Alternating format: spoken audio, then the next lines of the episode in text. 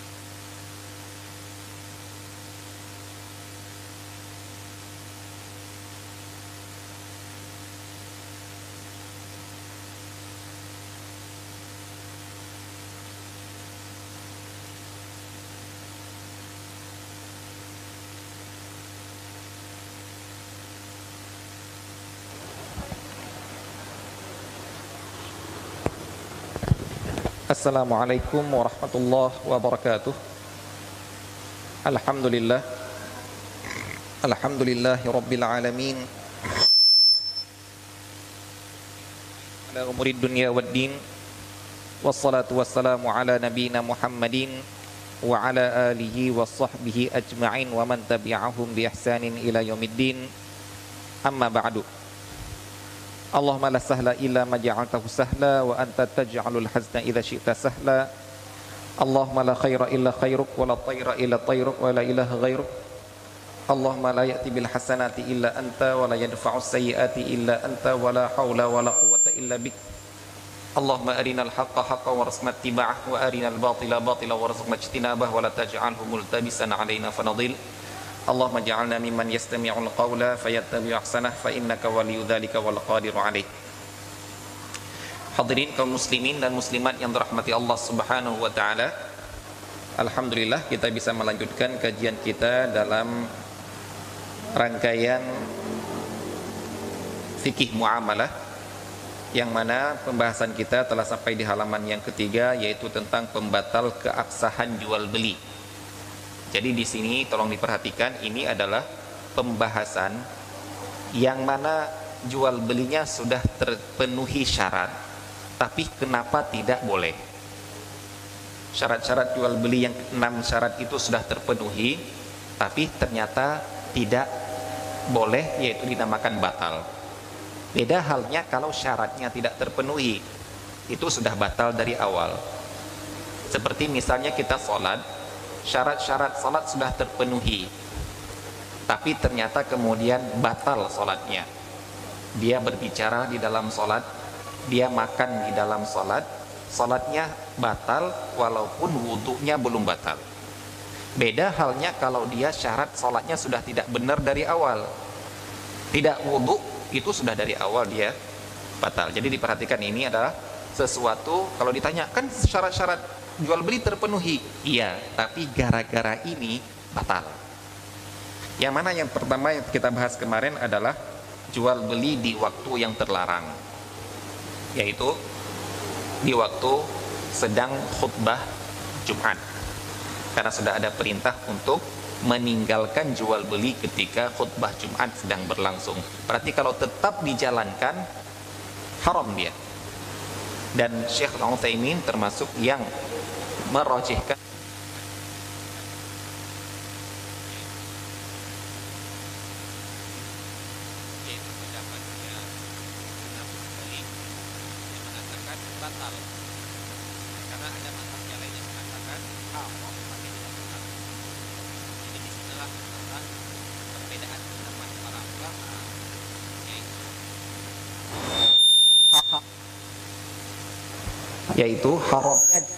disepakati jual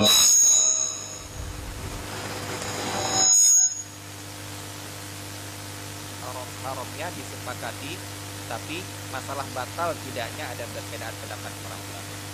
Namun Syekh ini merajikan pendapatnya Madhab Hambali yang mengatakan batal jual beli yang dilakukan ketika sedang berlangsungnya khutbah Jumat.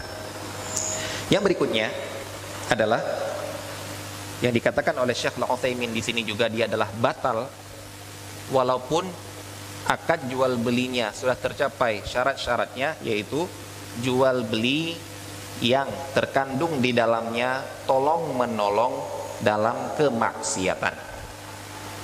Silahkan kemudian kita berikan contoh apa saja kalau memang mengarahkan kepada tolong menolong dalam kemaksiatan maka dia adalah jual beli yang terlarang berarti dia batal. Apa contohnya? Beliau mengatakan di sini jual anggur. Jual anggur sah penjualannya. Barang bendanya benda yang bisa bermanfaat penjualnya penjual orang yang diizinkan oleh syariat pembelinya yang diizinkan untuk melakukan akad jual beli oleh syariat. Harganya jelas takarannya uh, apa jumlah takaran dari anggur tersebut juga jelas. Bisa diserah, diserah terimakan dan itu merupakan pemi, dari pemilik anggur sendiri. Selesai sudah.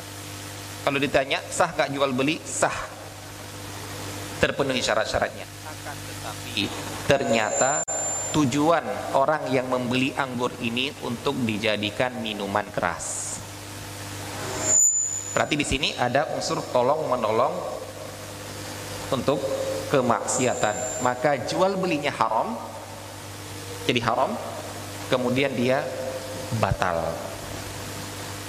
Contoh yang lain adalah menjual senjata untuk membunuh orang yang diharamkan untuk dibunuh, yaitu dinamakan menjual senjata di zaman fitnah di zaman kekacauan.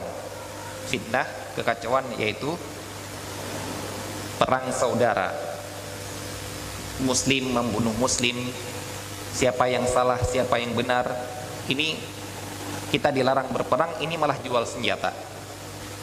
Kemudian menjual di sini dikatakan jual silet untuk cukur jenggot dan lain sebagainya mungkin bisa kita terapkan yaitu jual baju jual baju seksi untuk perempuan yang dipakai untuk menampakkan aurat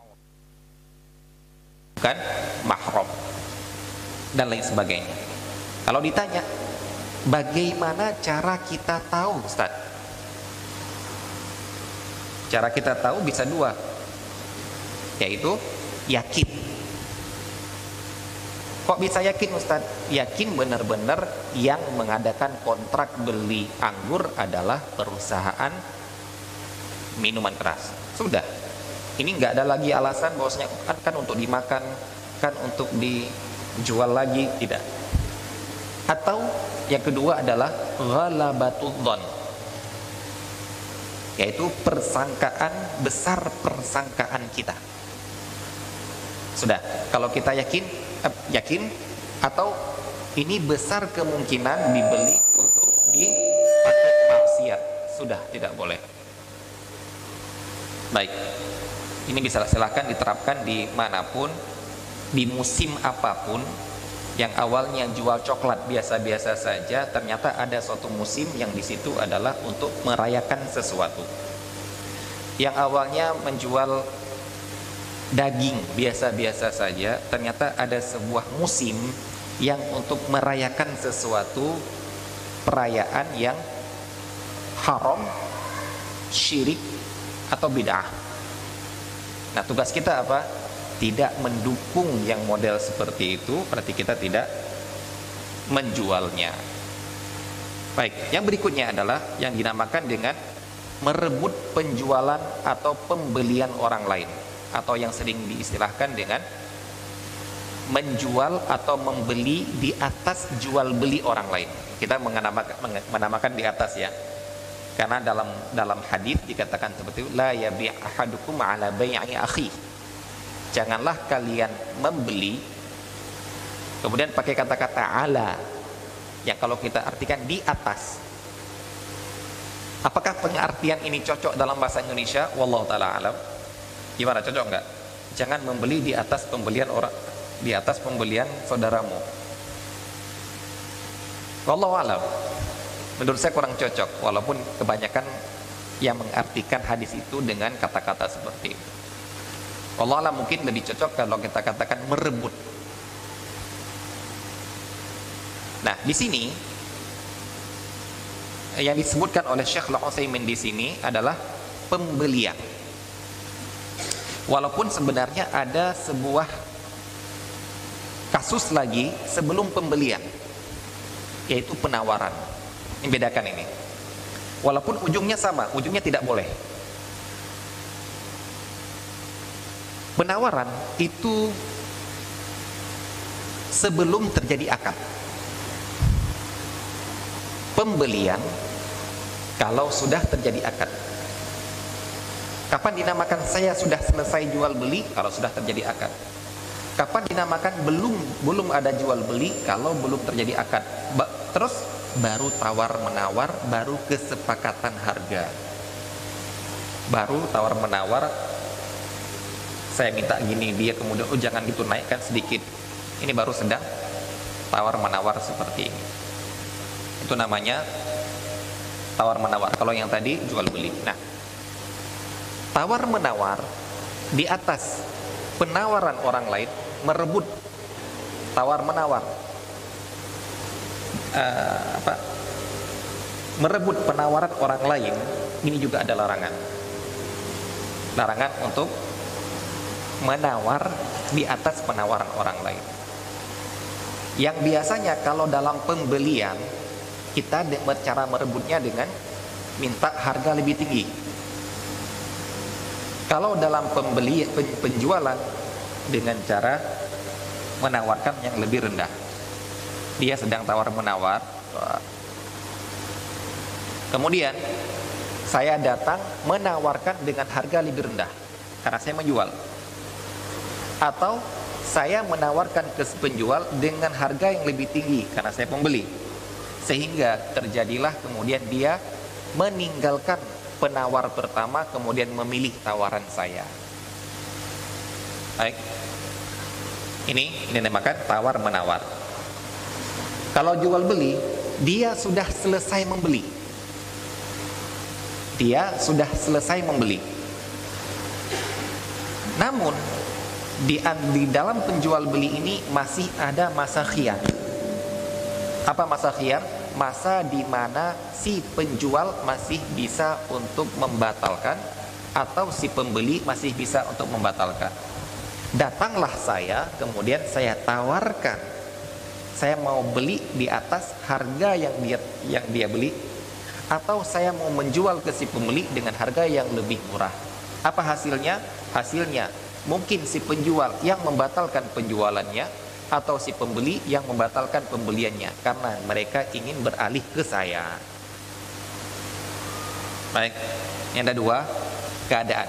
Ini tawar menawar, itu jual beli. Yang dibahas oleh Syekh Utsaimin di sini jual beli itu dilarang kita membeli dari penjual yang sudah menjualkan barang ke seorang pembeli yang mana di situ masih ada masa khiyar yang bisa membuat si penjual ini membatalkan jual beli dengan orang pertama untuk menjual ke kita atau kita bikin kita taw, kita tawarkan ke si pembeli agar dia membatalkan akad jual belinya dengan si penjual ini.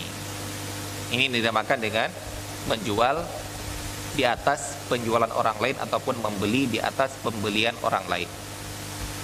Madhab Hambali di sini hanya mengatakan tidak boleh sampai eh, ketika di masa khiyar. Begitu selesai masa khiyar, boleh saya tawarkan kembali. Eh kamu beli berapa seperti itu? Sekian, 20 uh, 20, uh, 20 ribu masih ada khiyar nggak kamu dengan dia itu? Nggak ada. Udah selesai. Masih ada pilihan kamu bisa kembalikan nggak? Nggak. Udah selesai perjanjiannya nggak ada kembalikan lagi.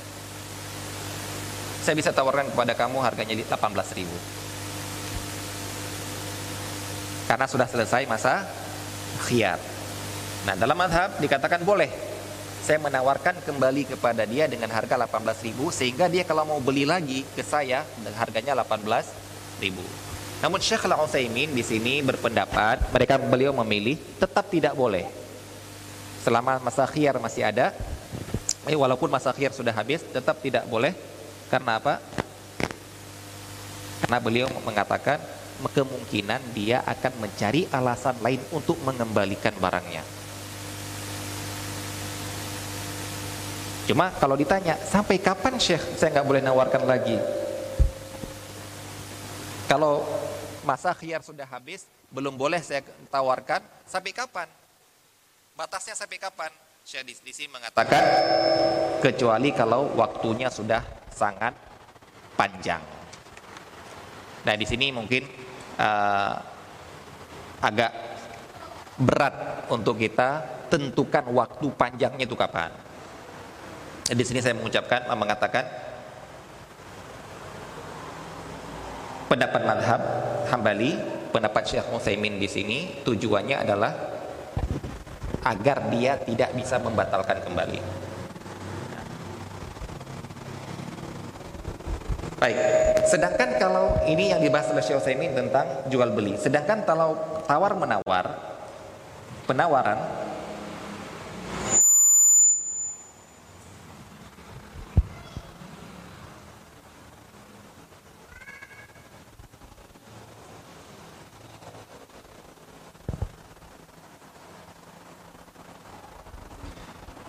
dia juga tidak boleh cuma masalahnya sampai kapan kita tidak boleh menawarkan ke seseorang ataupun mana batasannya kita tidak boleh menawarkan ke seseorang untuk merebut untuk membeli barang suatu barang. Orang lagi tawar menawar kita kapan boleh masuk untuk ikut menawarkan barang tersebut? Di sini dikatakan oleh para ulama kapan batasannya tidak boleh lagi. Berarti kapan sebelumnya masih boleh tawar menawar. Dikatakan oleh Imam Nawawi di sini tawar menawar di atas tawaran saudaranya yaitu apabila sudah sepakat pemilik barang dan penjual pembelinya untuk melakukan jual beli. Sudah sepakat harga sempat melakukan tapi belum melakukan jual beli. Nah di sini kita dilarang masuk untuk menawarkan lebih tinggi ataupun menawarkan lebih rendah dalam penjualan agar dia tidak jadi jual atau tidak jadi beli sama orang itu. Karena mereka sudah sepakat. Begitu juga perkataan Abu Fadl al-Iraqi kalau mereka sudah bersepakat dan menyetujui harga dan barang tersebut. Awalnya 50 lagi nih, 50 lagi. Baik. 70 ya. Ya oke. Okay. Tapi belum melakukan akad. Nah, kita dilarang masuk kalau saya berani 80. Berarti sebelum terjadi kesepakatan antara mereka, oh enggak. 70 ya? Enggak, enggak. Enggak, enggak, enggak. Nanti dikatakan kalau memang seperti ini standarnya sebelum terjadi kesepakatan antara mereka ke sebuah kerukunan untuk sebuah harga masih boleh kita masuk untuk menawarkan tawaran kita kepada dia. Inilah yang berlaku di dalam lelang. Kenapa lelang boleh? Yaitu diserahkan dengan jual beli man yazid jual beli siapa yang mau nambah kenapa boleh? Karena si penjual begitu ada yang menawarkan sebuah tawaran dia mengatakan siapa mau nambah lagi? Berarti dia tidak belum setuju belum rukun dengan tawaran yang diinginkan orang itu. Malah dia ingin menunggu tawaran yang lain. Datanglah orang yang menawar dengan harga lebih tinggi. Boleh? Boleh. Kenapa? Karena memang tawaran yang pertama belum terjadi sebuah kesepakatan.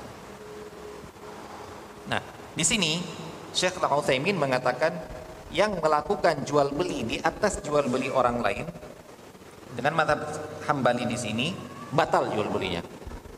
Kalau haram sudah jelas. Tapi apakah batal? Beliau mengatakan batal. Walaupun ada madhab lain yang mengatakan tidak batal. Namun beliau mengatakan di sini tetap batal karena larangannya dari Rasulullah Wasallam langsung ke jual belinya. Jangan kamu jual beli. Berarti kalau kamu lakukan tidak sah jual belinya. Baik, ini yang ketiga.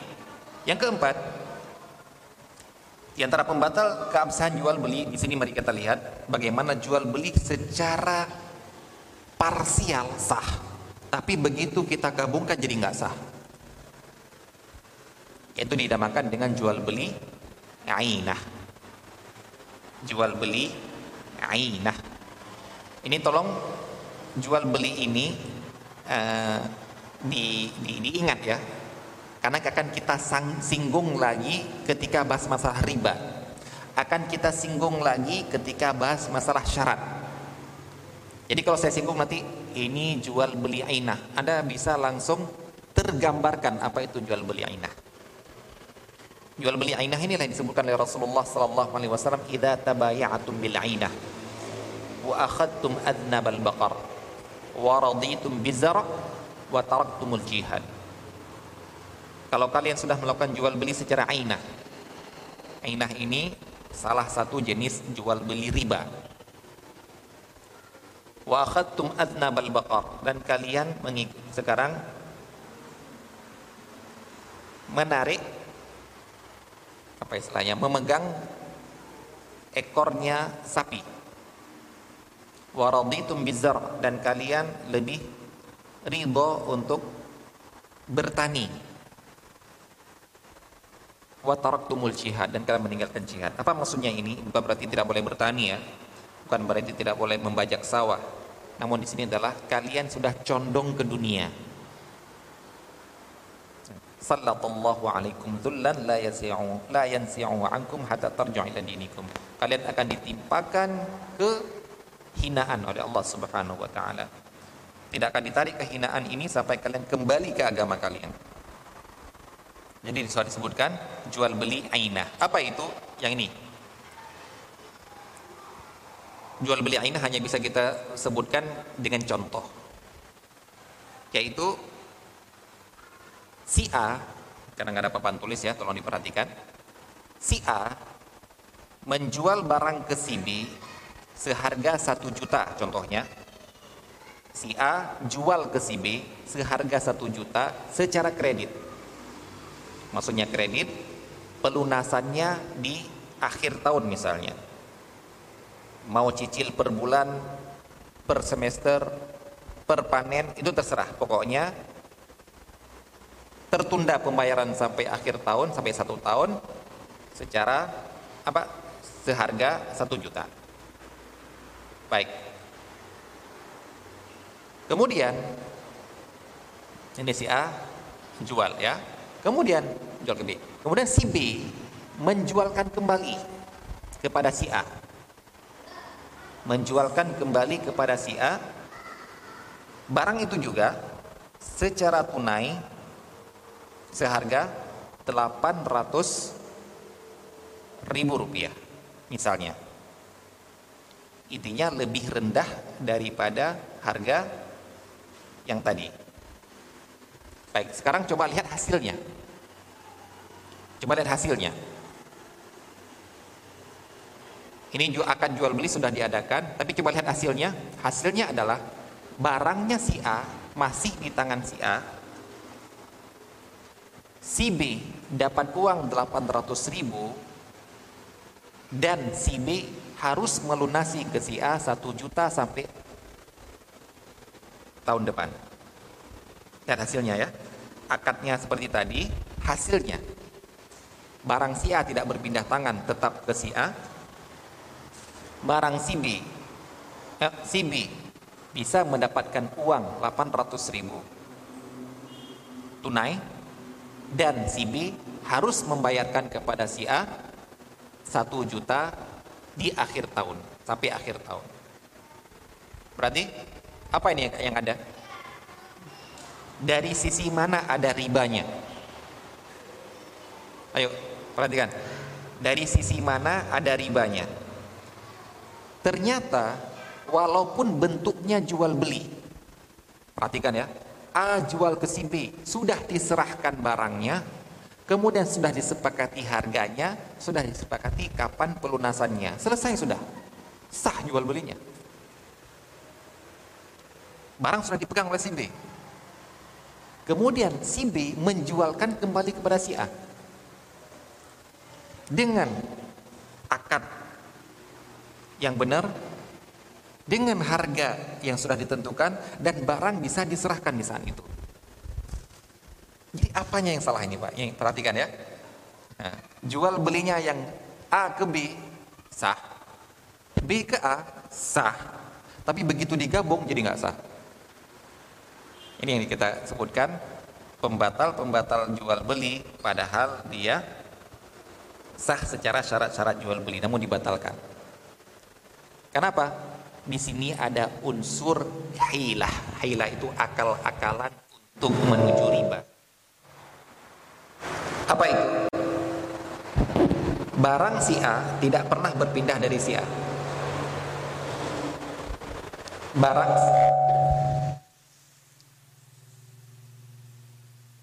si B dapat uang tunai 800 ribu namun dia harus membayarkan satu juta. Inilah dinamakan dengan riba di sini. Kalau seandainya ribanya dibuat secara jelas, BA saya pinjam 800 ribu sekarang, saya ganti satu juta tahun depan. Ini namanya apa? Riba jahiliyah. Riba yang jelas. Riba jahiliyah ini Bapak dan Ibu-ibu, para ikhwah sekalian, saya tidak mengatakan jarang, sedikit sekali pembahasannya dalam fikih. Kenapa? Saking jelasnya.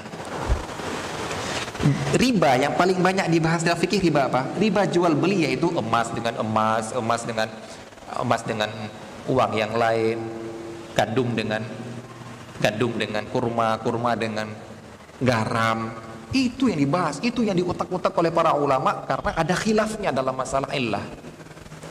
Yang ngasih satu ratus bayar satu juta utang piutang itu nggak banyak dibahas lagi saking jelasnya ya tapi yang banyak melakukan riba di masyarakat kita ya yang ini nah yang yang jelas-jelas ini ditabrak yang itu mungkin jarang malah. Yang dalam jual beli itu. Nah kalau 800 bayar 1 juta jelas sudah.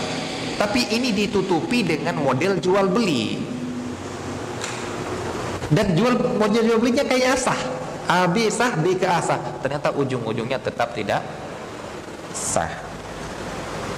Baik nanti ini, ini yang ini juga akan lebih kita paparkan lagi dalam jenis-jenis riba namun dipahami dulu inilah namanya bentuk jual beli ainah yang ini sebenarnya kalau pertanyaannya adalah, Ustadz, kenapa sih mereka mau jual beli seperti itu? Kenapa sih Ustadz? Jawabannya adalah sebenarnya mereka tidak mau jual beli. Sebenarnya si B pinginnya uang tunai. Si B sebenarnya pingin uang tunai. Tapi si A nggak mau ngasih uang tunai 800 ribu karena nggak bisa nggak bisa ngambil untung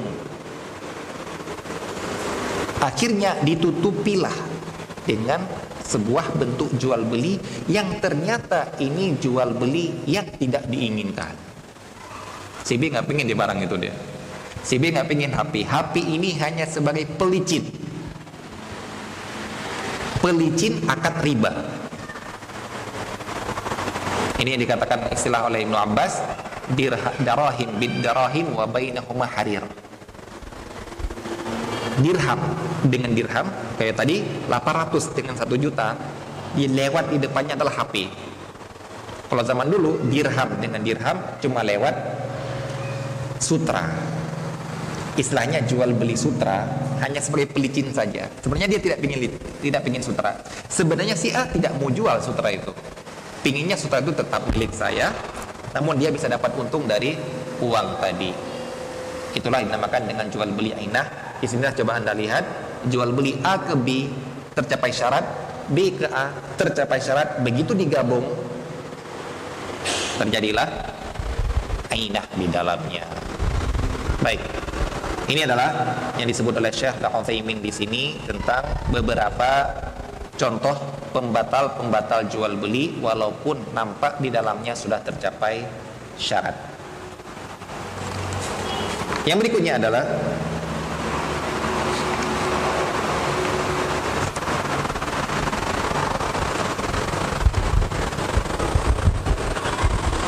nanti lebih lebih kita paparkan lagi ini di dalam riba. Dia pokoknya ada sekarang tahu dulu bentuk ainahnya. Yang berikutnya adalah bab asyurut fil bayar. Persyaratan di dalam jual beli. Tolong, tolong dibedakan. Yang sudah kita lewati yang kemarin 1 sampai 6 itu syarat jual beli. Kalau sekarang syarat tambahan dalam jual beli. Dalam fikih dinamakan syurutul bay' syarat jual beli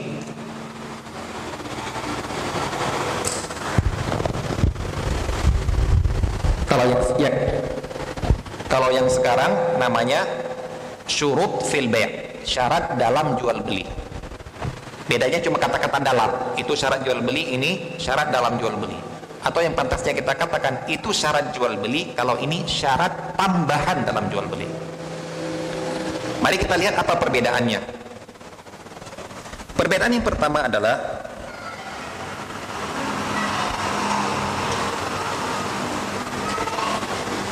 Perbedaan ditinjau dari siapa yang membuat syarat.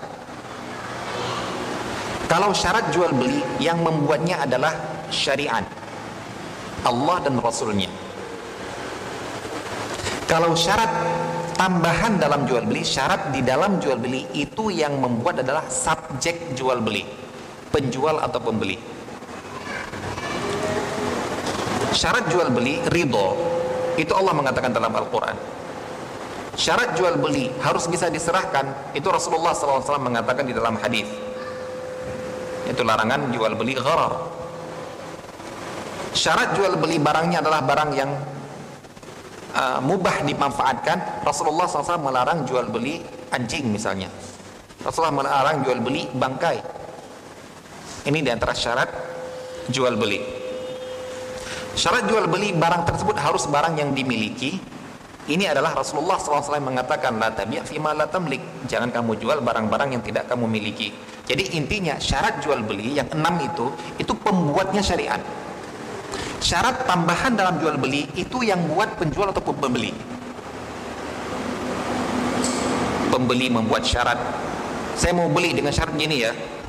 Saya mau mau jual dengan syarat gini ya.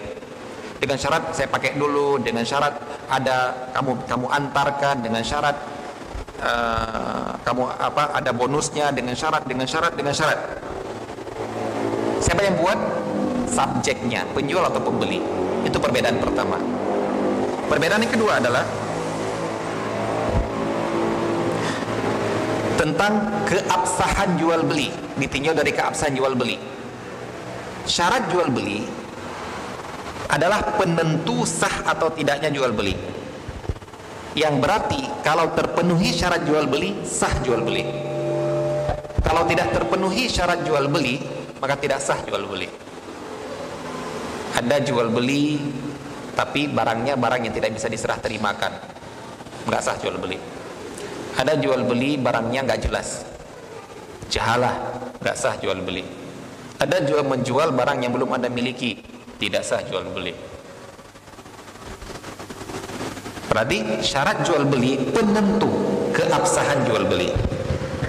Syarat tambahan dalam jual beli yang dibuat oleh penjual atau pembeli tadi itu bukan penentu keabsahan.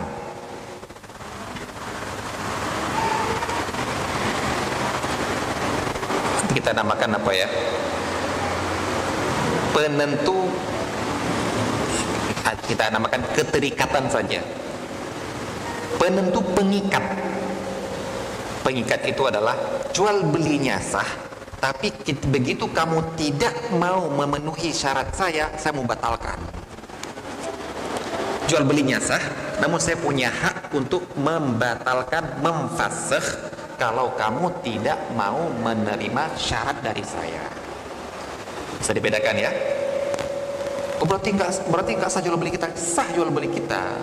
Cuma gara-gara kamu kemarin waktu tanda tangan itu kan ada syaratnya. Kenapa kamu perhatikan oh saya enggak ya udah saya mau dibatalkan. Minta dibatalkan.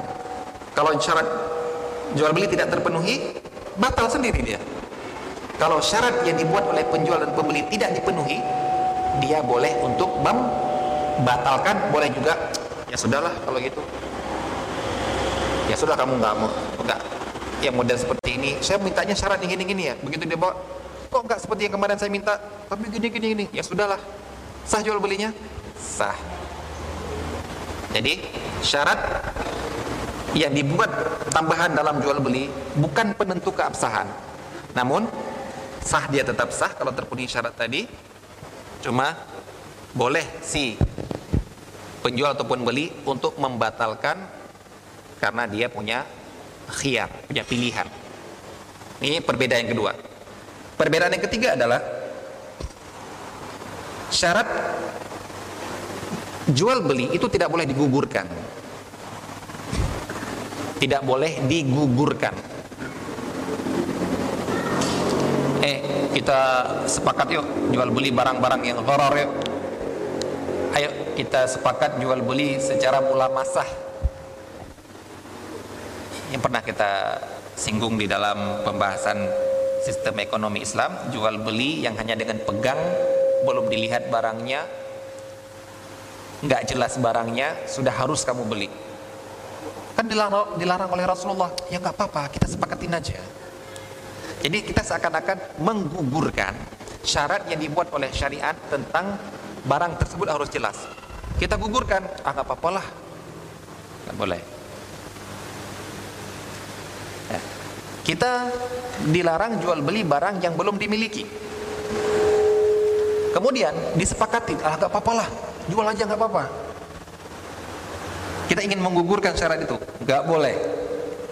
Kenapa? Karena yang buat ini bukan kalian. Yang buat ini syariat.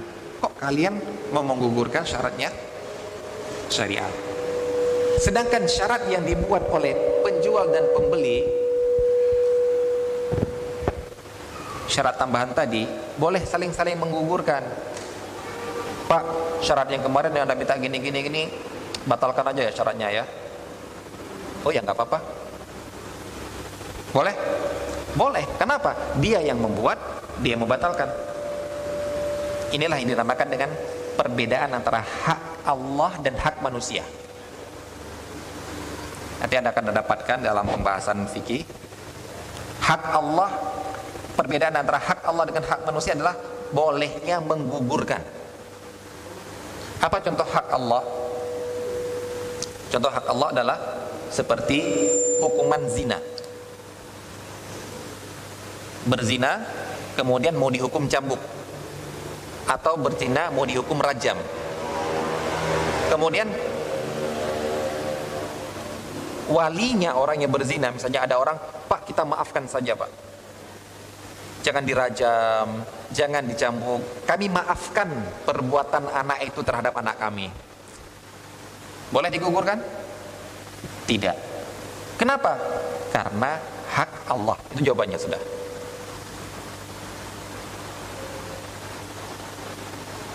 pembunuhan. Dia membunuh saudara saya.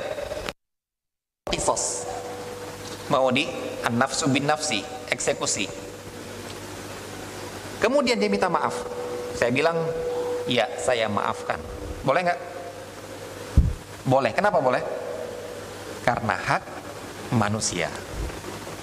Di sebelah akan kita akan nampak mana perbedaan hak manusia dan mana perbedaan hak Allah Subhanahu wa taala. Kalau hak Allah, gak berhak Anda maafkan. Tapi kalau haknya manusia, Anda berhak memaafkan. Anda maafkan dia, sudah nggak dieksekusi. Makanya kalau dulu apa istilahnya ada kejadian uh, seorang seorang TKW dieksekusi di Saudi Arabia karena dia membunuh majikannya. Kemudian ya pernah akan terjadikan banyak protes ya kemudian disuruh presiden kita melobi raja raja waktu, waktu itu bukan raja raja Salman waktu itu raja lupa saya apa raja Abdullah atau apa. Nah ini kan tidak paham filosofi sebuah proses hukum dalam pembunuhan. Kalau dalam pembunuhan mau di nggak ada remisi-remisi. Jadi yang bisa membatalkan itu bukan rajanya bukan waliul amri bukan khalifah. Namun walinya orang yang terbunuh. Jadi kalau anda minta mau melobi ke raja nggak ada gunanya. Lobinya ke situ. Tolong maafkan. Oh ya saya maafkan dengan syarat bayar satu miliar. Ya bayar. Ya. Jadi bukan raja. Nah begitunya kalau hak Allah. Raja apalagi lebih tidak berhak. Siapa pun tidak berhak untuk memaafkan. Nah ini juga kalau kita bawa sekarang ini, kenapa sih saya boleh gugurkan syarat ini? Karena saya yang buat, ini hak saya. Kenapa itu nggak boleh? Itu bukan kami yang buat, itu Allah Subhanahu Wa Taala dan Rasulnya yang menentukannya. Kemudian perbedaan yang berikutnya adalah syarat jual beli itu semuanya benar, semuanya sah. Yang enam yang telah kita bahas. Adapun syarat tambahan yang dibuat oleh penjual dan pembeli di dalam jual akan jual beli mereka belum tentu benar. Bisa benar, bisa tidak benar. Maksudnya bisa sah, harus ditaati. Bisa tidak sah, nggak perlu ditaati. Kenapa? Ya manusia yang buat. Bisa benar, bisa salah. Nah, sekarang mari kita lihat setelah kita tahu perbedaan ini, kapankah seseorang boleh membuat syarat di dalam jual beli? Ada tiga keadaan yaitu yang pertama sebelum akad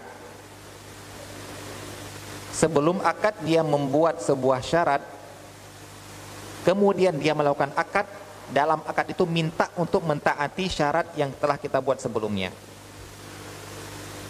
Pak ini kalau saya beli diantar ke rumah nggak? Iya diantar. Baik, kemudian tawar menawar. Tadi minta diantar dulu tawar menawar, plek jadi baru akad. Di akad nggak disebut apa-apa. Pak, ini saya beli dengan syarat diantar nggak lagi. Karena dia sudah menyebutkan sebelumnya. Ini dianggap syarat ini merupakan syarat yang boleh. Maksudnya boleh ataupun harus ditepati syarat yang dibuat sebelum akad yang mengharuskan ketika akad untuk mentaati syarat tersebut. Yang kedua, ketika akad. Pak, saya beli ini Pak ya, tapi diantar ya? Ya, lihat dibeli. Kalau tadi sebelumnya, tar menawar lu tanya-tanya dulu. Yang ketiga, masih di masa khiar. Khiar itu apa? Masa orang masih boleh membatalkan jual beli. Nanti akan kita lihat ada masa-masanya. Begitu masa misalnya, ini khiarnya 10 hari ya, ya. Selama 10 hari dia minta syarat lagi. Boleh? Boleh. Karena apa? Karena selama masa itu dia boleh masih membatalkan. Oh kamu nggak mau syarat itu ya saya batalkan. Baik, ini dikatakan oleh Syekh bahwasanya boleh untuk apa mengadakan akad tersebut dalam tiga keadaan itu.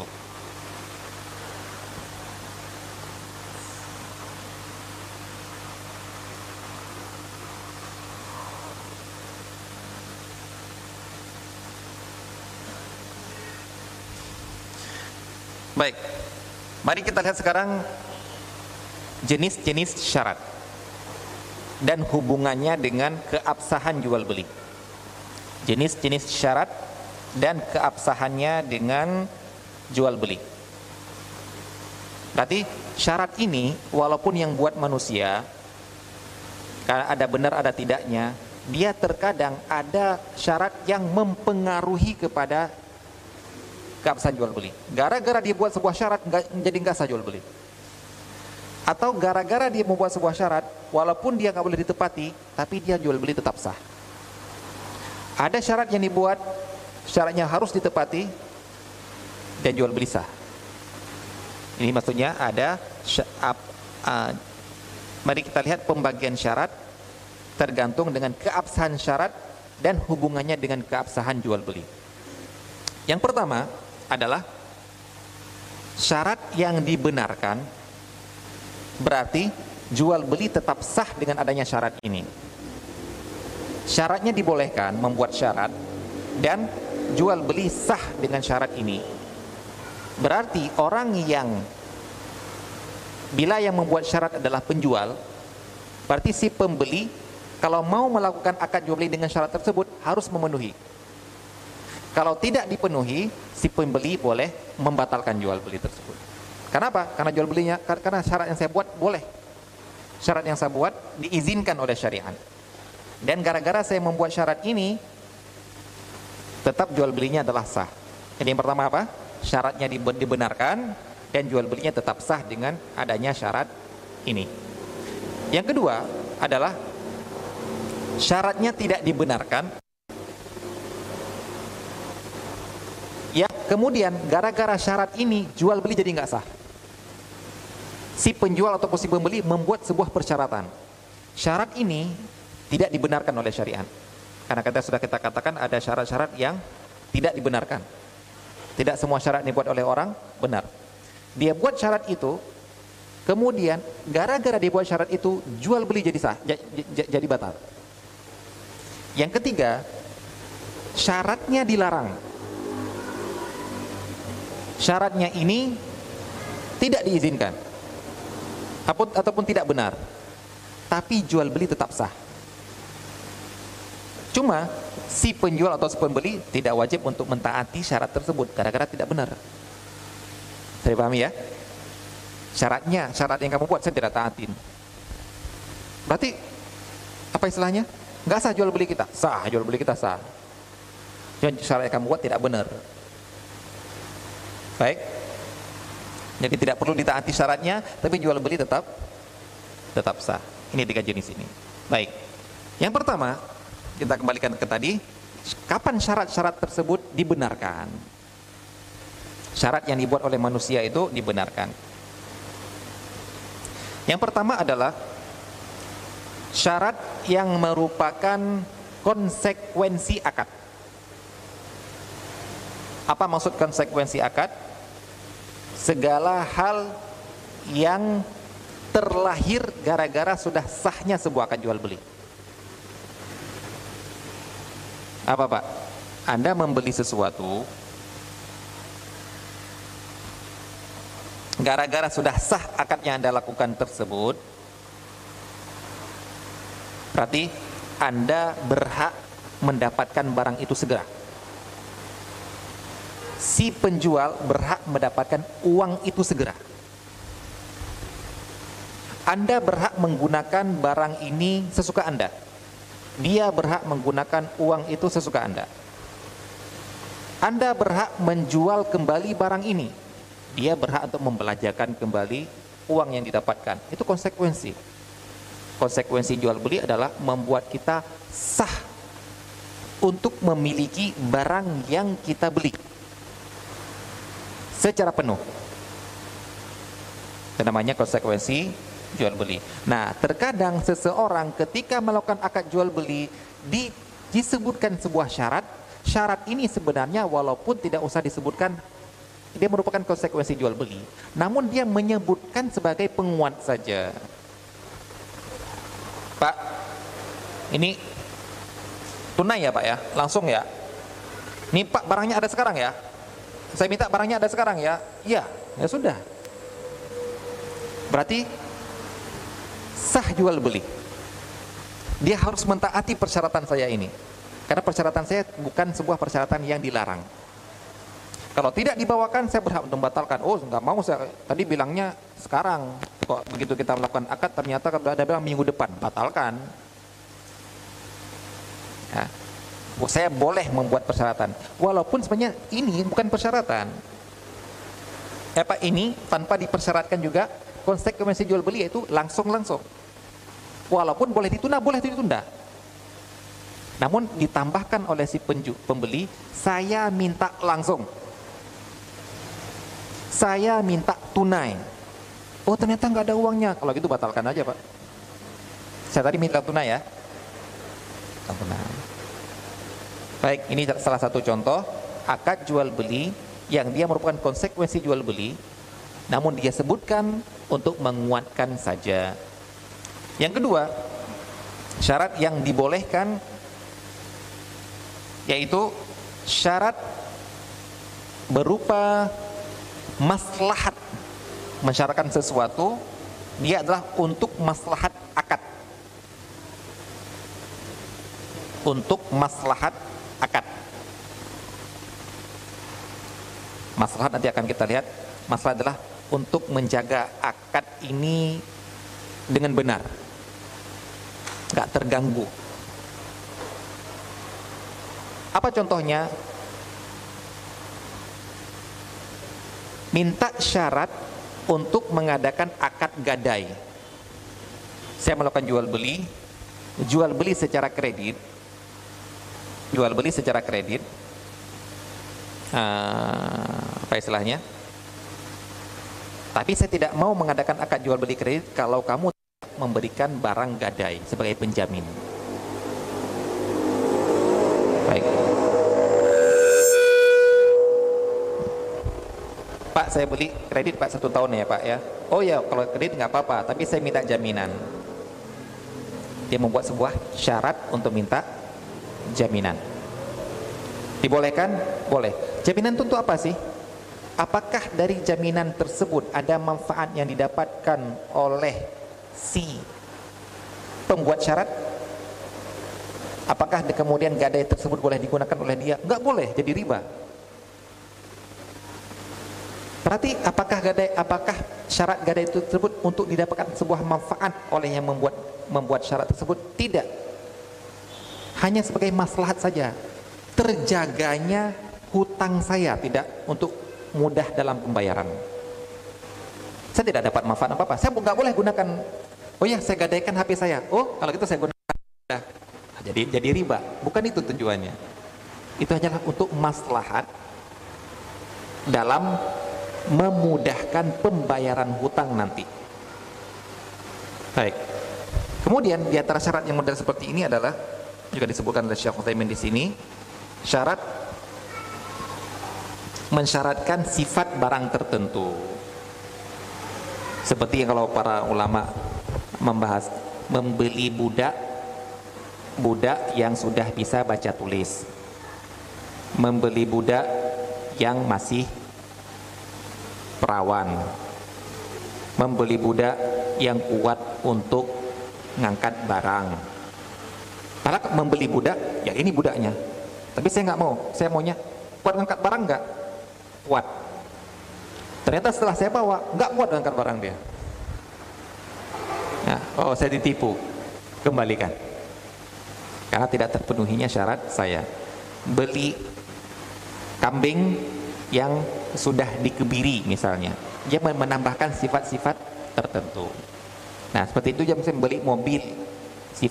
Ada yang bilang, tapi yang sifatnya gini ya, ada tambahan ini ya, ada ininya enggak? Oh ada nanti disiapkan. Ada ada tambahan ini enggak? Aksesoris ini enggak? Oh ada nanti disiapkan. Nah boleh seperti itu, boleh boleh saja. Baik. Yang ketiga syarat yang dibenarkan tersebut adalah syarat yang bisa memberi manfaat bagi si penjual atau si pembeli. Yang tujuannya agar si penjual dan si pembeli itu bisa memanfaatkan sesuatu dari persyaratan itu. Ini adalah dicontohkan seperti syarat pemanfaatan barang. Baik di sini coba perhatikan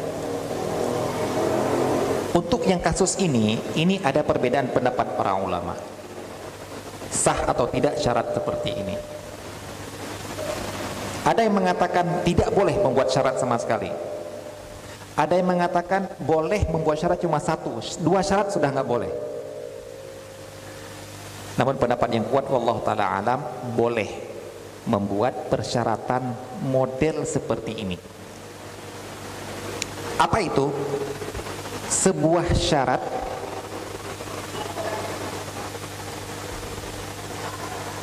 yang dibuat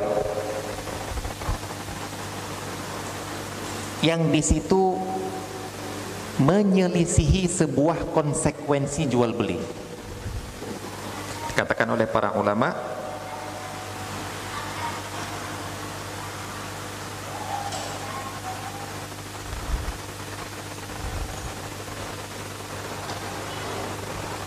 Oh, maaf.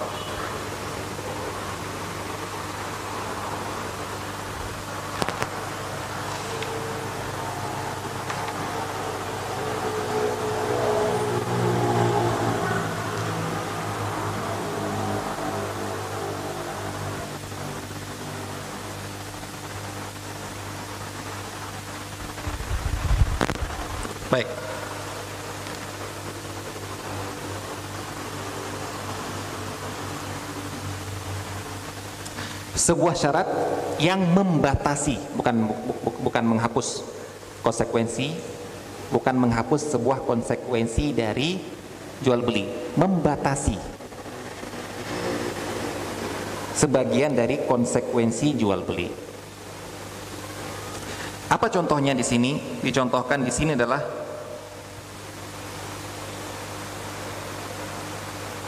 beli sesuatu namun saya minta agar saya boleh pakai dulu sampai satu tahun atau satu, satu bulan. Contoh, saya jual tanah saya ini, begitu akad jual beli, konsekuensi dari akad jual beli adalah tanah ini jadi milik Anda sekarang, uang jadi milik saya sekarang. Baik, itu konsekuensinya. Berarti Anda mau garap tanah sekarang hak Anda. Tapi kemudian saya membuat sebuah persyaratan, tapi saya minta agar ditunggu padinya itu sampai panen.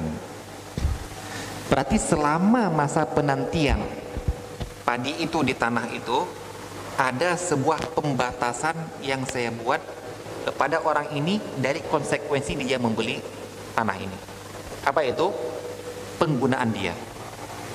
Dia belum bisa menggunakan 100% dari tanah itu, masih menunggu sebuah pembatasan, masih menunggu sebuah kurun waktu yang itu ada manfaatnya bagi saya. Apa itu? penggunaan tanah yang telah saya jual. Contoh lain adalah ini misalkan juga pada oleh para ulama yang namanya jual beli, Pak, saya beli lemari ini. Baik. Saya jual. Begitu akan jual beli terjadi, barang ini jadi milik saya. Uang jadi milik dia. Baik. Yang namanya milik saya mau saya bawa ke rumah yaitu tanggung jawab saya tapi di sini saya membuat sebuah persyaratan untuk pada dia Pak Bapak yang tanggung jawab untuk bawa ke rumah saya jadi di sini saya membuat sebuah persyaratan dari dia kepada dia yang mana untuk manfaat saya dia masih bertanggung jawab untuk mengirim barang ke, ke, ke rumah saya padahal persyaratan padahal secara konsekuensi jual beli barang itu sudah tanggung jawab saya untuk mengantarkannya. Ya di sini berarti ada apa? Pembatasan sedikit. Bukan menyelisih sama sekali. Pembatasan dalam penggunaan barang tersebut demi sebuah manfaat bagi penjual ataupun si pembeli apa hukumnya ini pendapat yang kuat adalah boleh. Di sini perhatikan ada ber, ada pendapat ulama mengatakan nggak boleh. Membuat syarat seperti itu nggak boleh. Ada ulama yang mengatakan dua syarat nggak boleh, dua syarat atau lebih. Satu syarat masih boleh. Nah, namun Syekh Utsaimin mengatakan boleh membuat syarat seperti itu. Apa dasarnya? Dasarnya adalah Hadis secara umum al-muslimuna ala syurutihim. Muslim para orang muslim itu berpegang pada syarat yang dibuat oleh dia.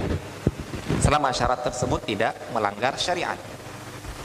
Yang kedua adalah praktek Rasulullah sallallahu alaihi wasallam ketika beliau membeli ontanya Jabir bin Abdullah seorang sahabat.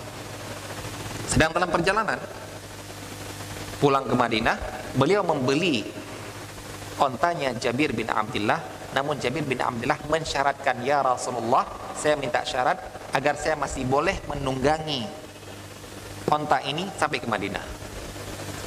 Padahal onta itu sudah jadi milik Rasulullah Sallallahu Alaihi Wasallam. Tapi dibatasi kepemilikannya ini agar tetap digunakan oleh Jabir sampai ke Madinah. Baik ini pendapat yang kuat Allah Ta'ala alam itu dibolehkan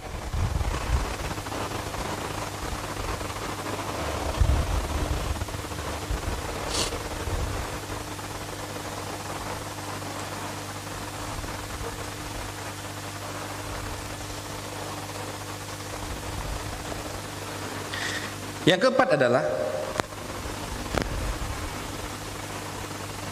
yang dinamakan dengan at-ta'liq. Ta'liq itu jual beli yang masih menggantung. Ini juga ada ulama yang tidak membolehkan seperti ini. Jadi ada ulama yang mengatakan akad jual beli itu adalah akad yang najis najis itu kalau sekarang anda saya guna saya saya lakukan sekarang harus terjadi namun kalau meng, mengikat sebuah akad dengan suatu kejadian kalau ada itu barulah berhasil barulah terjadi ini ada yang mengatakan tidak boleh saya jual ini tapi dengan syarat kalau si Z ridho berarti apa maksudnya ini akadnya belum bisa terjadi kalau si Z tidak ridho. Kalau diizinkan oleh itu, kalau bapak saya setuju, kalau, kalau, kalau. Ini maksudnya apa? Jual beli secara muallak namanya.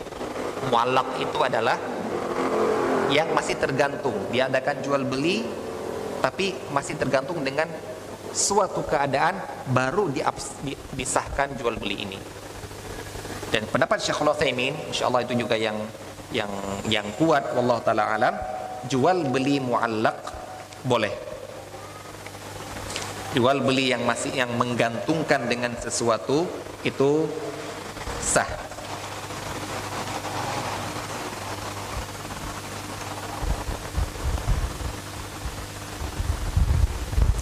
Di sini contohkan seperti saya jual ini namun tunggu persetujuan fulan ya. Tunggu persetujuan itu ya. Atau dinamakan dengan walaupun ini saya sebenarnya khiyarun naqd ya. Nanti ada dalam masalah khiyar. Kalau kamu bisa bayar dalam tiga hari, saya jual ini dengan syarat kamu bisa bayar dalam tiga hari kalau jual eh, eh, tiga hari belum kamu bisa bayar, saya minta dibatalkan. Sebenarnya namanya jual beli, bapak-bapak dan ibu-ibu, yang namanya jual beli itu yang, yang ini mungkin banyak disalahpahami. Ketika ada yang bertanya, Ustadz, Ustadz boleh nggak menjual barang yang belum lunas? Apa hukumnya? Saya beli motor belum lunas. Boleh nggak saya jual lagi? Saya beli tanah belum lunas. Ini yang biasa dipakai oleh developer. Jarang ya, eh, walau alam apakah jarang atau tidak. Developer beli tanah masih nyicil dua tahun, tapi dia sudah berani menawarkan ke orang lain tanah itu sudah di coupling tawarkan ke orang lain yang dia yakin selama dua tahun akan selama satu tahun setengah akan laku dan untuk melunasi uang itu. Akhirnya orang bilang ini belum lunas sudah ditawarkan ke orang lain, belum lunas sudah di coupling. Maka yang seperti ini tolong belajar fikih muamalah lagi. Yaitu yang namanya akad itu tidak perlu lunas. ya. Syarat jual beli nggak ada syarat jual beli lunas. Kata mana? Pernah kata syarat jual beli lunas. Syarat barang yang ada jualkan harus lunas dulu nggak ada yang ada adalah syarat barang yang anda jualkan itulah sudah resmi itu milik anda ya sudah resmi sudah itu adalah sudah milik anda Bagaimana dinamakan itu milik Anda? Dengan akad. Akad sudah ada serah terima barang.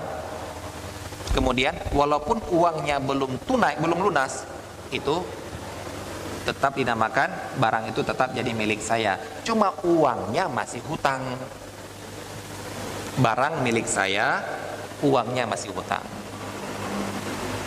Ini kita katakan kalau jual beli barang belum lunas yang gak ada embelan gadai beda tapi Ustadz ini kan belum lunas motor ini belum lunas tapi BPKB nya dipegang tapi ini sebagai jaminan berarti bukan masalah tidak boleh menjual barang belum lunas tidak boleh menjual barang gadai bedakan barang belum lunas boleh dijual tapi kalau barang itu dijadikan sebagai barang gadai, tidak boleh dijual. Bukan gara-gara belum lunas, tapi gara-gara dia adalah barang gadai. Barang gadai nggak boleh dijual. Nah, anda menggadaikan motor ini, BPKB dipegang oleh koperasi misalnya, jual beli motor, jual motor ST, STNK tok, nggak boleh, nggak sah. Karena barang ini barang gadai, bukan gara-gara belum lunas. Baik. Nah, di sini ada namanya. Begitu saya lakukan akad, itu milik kamu. Tapi saya membuat saya lakukan akad ini, benda ini, itu jadi milik kamu sebenarnya. Tapi saya bikin syarat. Saya tunggu tiga hari pelunasannya. Kalau tidak lunas dalam tiga hari, ini jadi milik saya. Saya minta dikembalikan, saya dikembalikan. Nah, di sini ada pembatasan. Baik, ini juga di dibolehkan. Syarat yang lain adalah juga yang disebut oleh Syekh Utsaimin di sini yaitu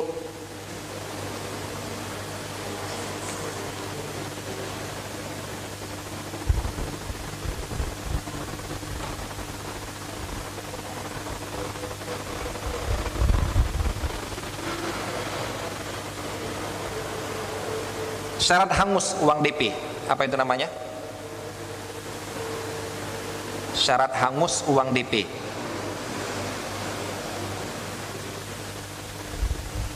kalau di Aceh dinamainya borok. Uh, ya kurang kurang kurang bagus namanya? Ya borok gitu ya. Uang hangus lah namanya.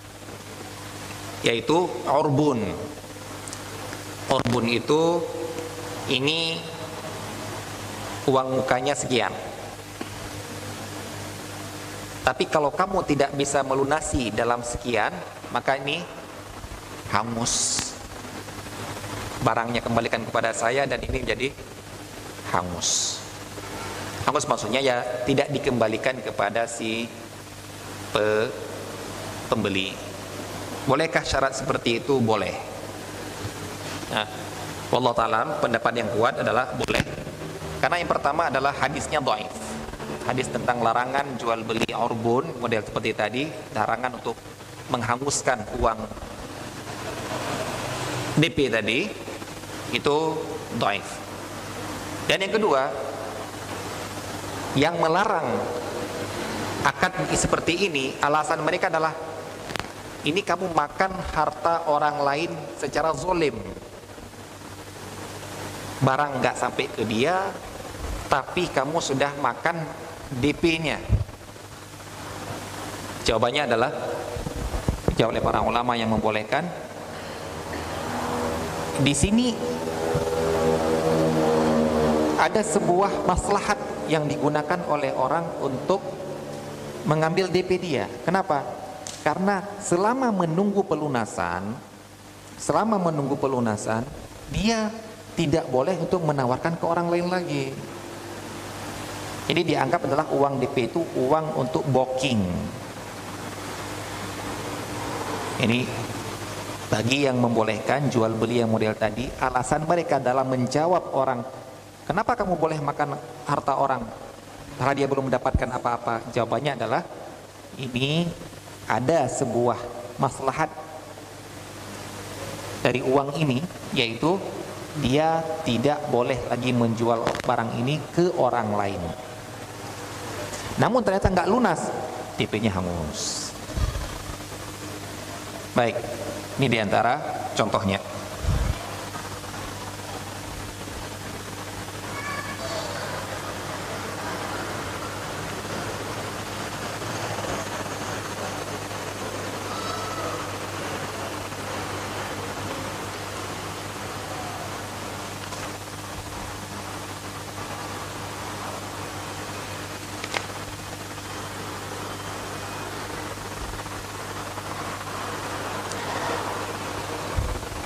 Yang berikutnya adalah yang kedua, ini adalah syarat yang dibenarkan yang terdiri dari model uh, empat tadi, konsekuensi akad, maslahat akad, manfaat bagi penjual ataupun pembeli. Yang keempat adalah syarat yang dipakai itu penentu berlangsungnya akad tersebut. Yang kedua, syarat yang tidak dibenarkan. Syarat yang tidak dibenarkan dan juga tidak sah jual belinya.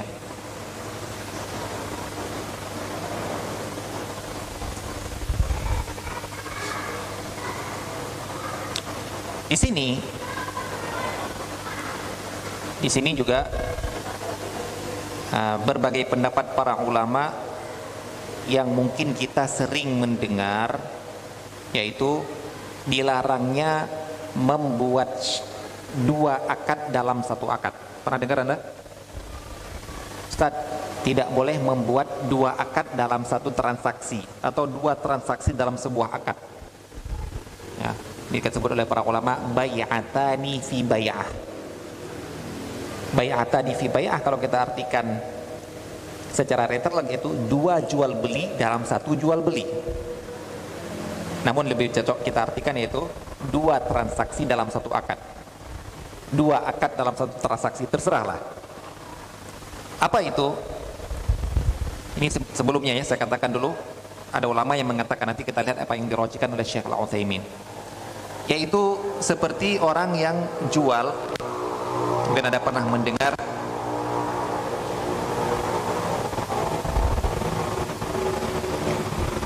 saya jual rumah ini dengan syarat kamu jual mobil itu ke saya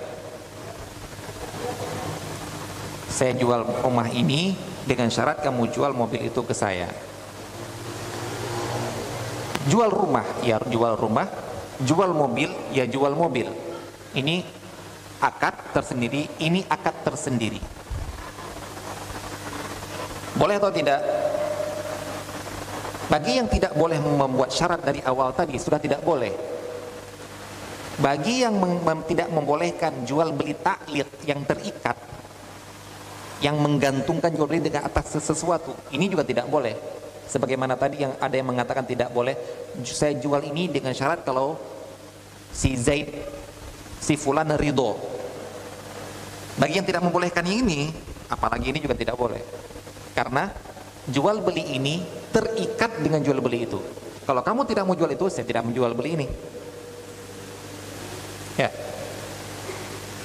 Ataupun yang tidak memboleh menjual beli dengan dua harga. Saya jual kalau kontan sekian, kalau kredit satu tahun sekian, kalau kredit dua tahun sekian dan lain sebagainya. Nah, ini ini akan yang ini yang yang yang model kedua ini akan kita bahas nanti di dalam riba. Jadi intinya di sini adalah bolehkah membuat mengumpulkan dua akad dalam sebuah akad dalam sebuah akad transaksi? Jawabannya adalah boleh. Selama dua akad tersebut tidak bertabrakan konsekuensinya. Tidak saling bertabrakan konsekuensinya.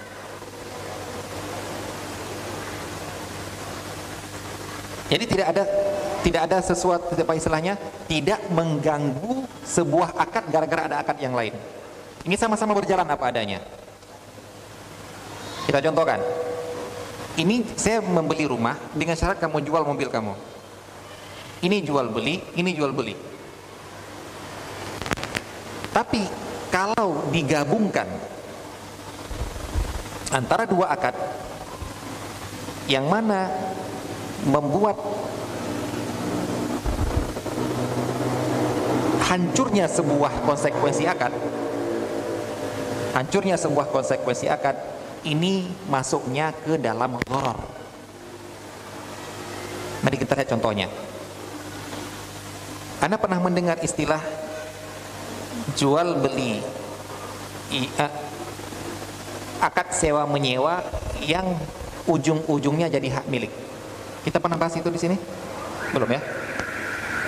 Akad sewa menyewa yang ujung-ujungnya jadi hak milik. Ini yang pernah di, kalau kalau di sini mungkin seperti tukang taksi misalnya ya. Dia beli mobil tapi dibilangnya sewa. Dia nyicil, nyicil, nyicil, ujung-ujungnya kalau sudah sempurna nyicil jadi milik. Paham ya? Contohnya gini, saya punya motor. Saya bilang saya sewakan motor ini ke anda selama lima tahun. Per bulan anda kasih ke saya misalnya 500 ribu. Saat kalau bisa anda lunasi sampai lima tahun motor jadi milik anda. Jadi ini dikatakan dalam bahasa fikihnya, dalam bahasa Arabnya al-ijarah al-muntahiyah bitamlik. Kalau bahasa kita, akad sewa menyewa yang ujung-ujungnya jadi hak milik. Baik, kayaknya aman-aman saja akadnya ya, aman. Akadnya kelihatan aman-aman saja. Kalau kita belum mengorek konsekuensinya. Baik, kapan kita mengetahui sebuah konsekuensi? Bukan kapan. Bagaimana dengan cara mudah agar kita tahu sebuah konsekuensi sebuah akad? Ini tolong tolong dipegang kaidah ini. Anda mau tahu secara mudah konsekuensi sebuah akad? Cari ketika terjadi musibah. Ketika terjadi kerugian, ketika terjadi kerusakan barang, siapakah yang bertanggung jawab? Di situ Anda akan ketahui apa konsekuensinya. Karena orang biasanya maunya untung tapi tidak mau memegang resiko. Nah, perhatikan. Kalau saya katakan, saya sewakan ini kepada kamu lima tahun dengan per bulan sekian. Yang namanya sewa menyewa dalam fikih, segala kerusakan itu saya tanggung.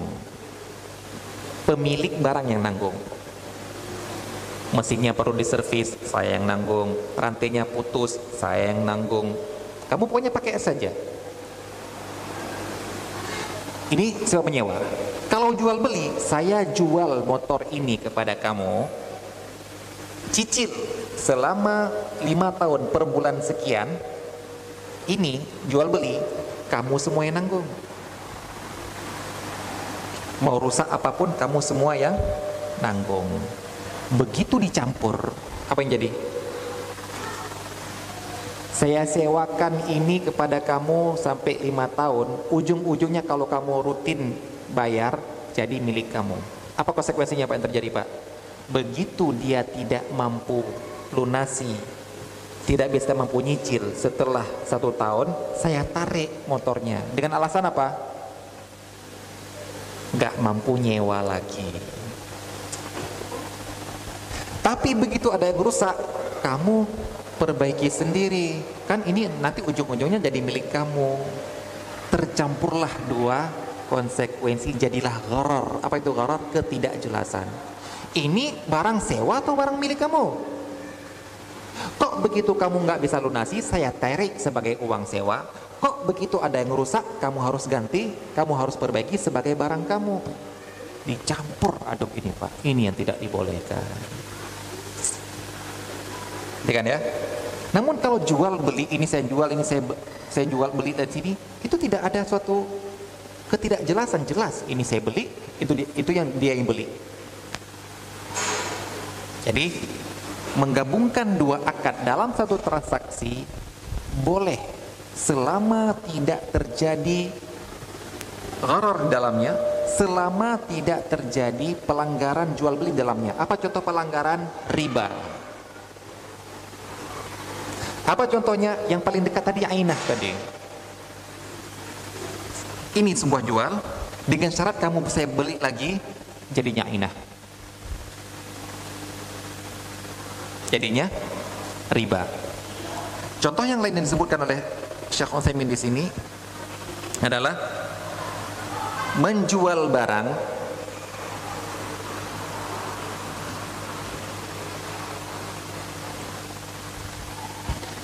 memberi hutang. Apa menjual barang ataupun ya menjual barang dengan syarat ada hutang yang diberikan. Contohnya seperti ini. Si A datang kepada si B mau berhutang. A mau berhutang. B tolong hutangkan saya uang 10 juta. 10 juta. Baik kata si B tapi dengan syarat tapi dengan syarat kamu jual mobil itu ke saya. Seharga ini. Padahal mobil itu harganya mungkin 200 juta. Tapi saya minta harganya 180 juta jadi gara-gara dia pingin berhutang dari saya, kemudian saya membuat sebuah syarat jual beli ini, menggabungkannya jual beli ini dengan syarat hutang tadi. Saya mau beli ini dengan syarat kamu hutang atau saya mau berhutang dengan syarat beli ini. Ternyata dalam jual beli ini saya mengambil keuntungan 20 juta tadi. Jadi sebenarnya harga mobil ini 200 juta tapi jadi harganya 180 juta karena dia menjual itu nggak enakan gara-gara sudah saya pinjamin sesuatu. Di sini ada unsur riba di dalamnya. Jadi tidak boleh membuat syarat apa? Kalau masuk ke sebuah pelanggaran.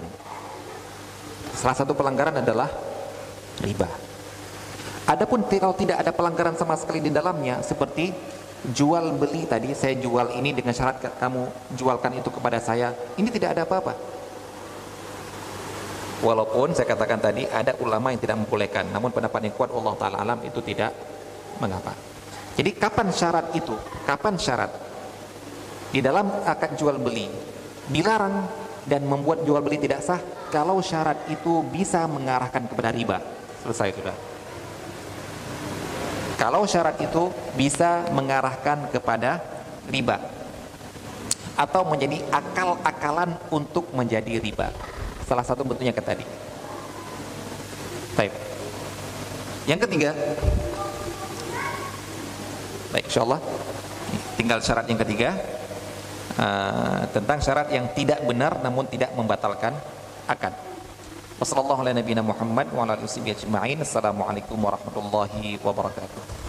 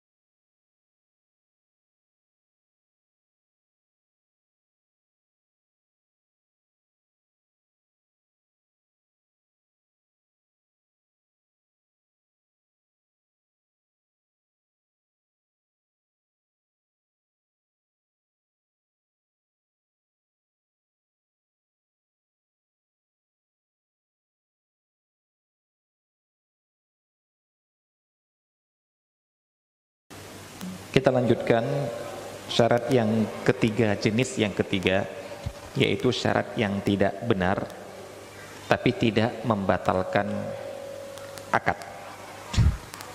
Apa itu? Syarat yang menyelisihi konsekuensi akad. Syarat yang menyelisihi konsekuensi akad. Jadi sebenarnya dia membuat sebuah syarat, tapi ternyata syaratnya itu bertentangan dengan konsekuensi akad.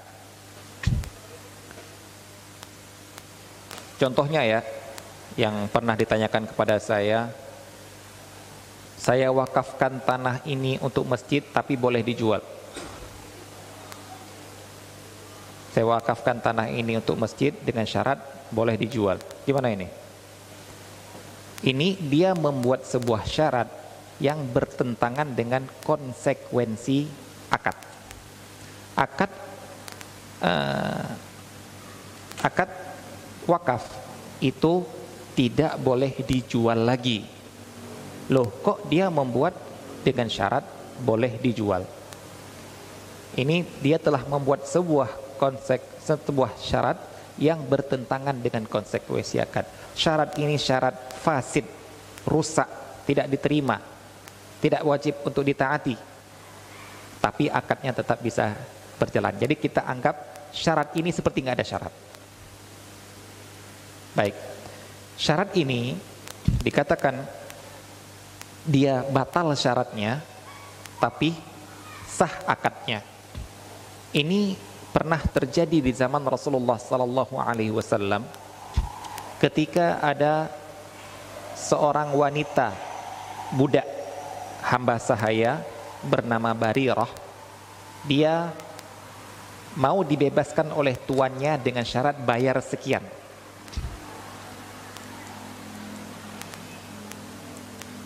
Nah beliau kemudian Barirah ini minta bantuan ke Siti Aisyah radhiyallahu taala anha. Tolong beli saya. Beli kemudian nanti Ya, Anda yang membebaskan saya.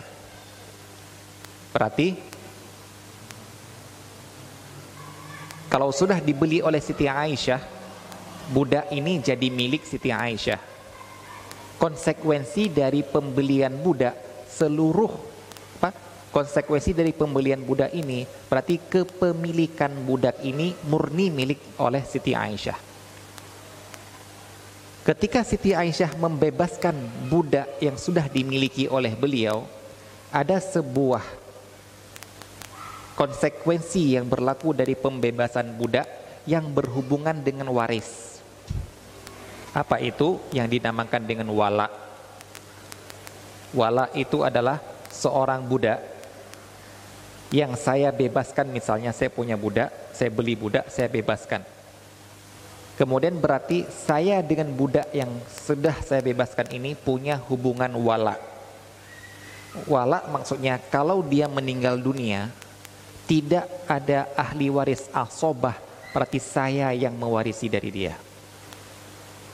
Jadi di sini ada sebuah manfaat yang saya dapatkan dari pembebasan seorang budak yang saya miliki, saya yang mendapatkan hak walaknya, hak walak.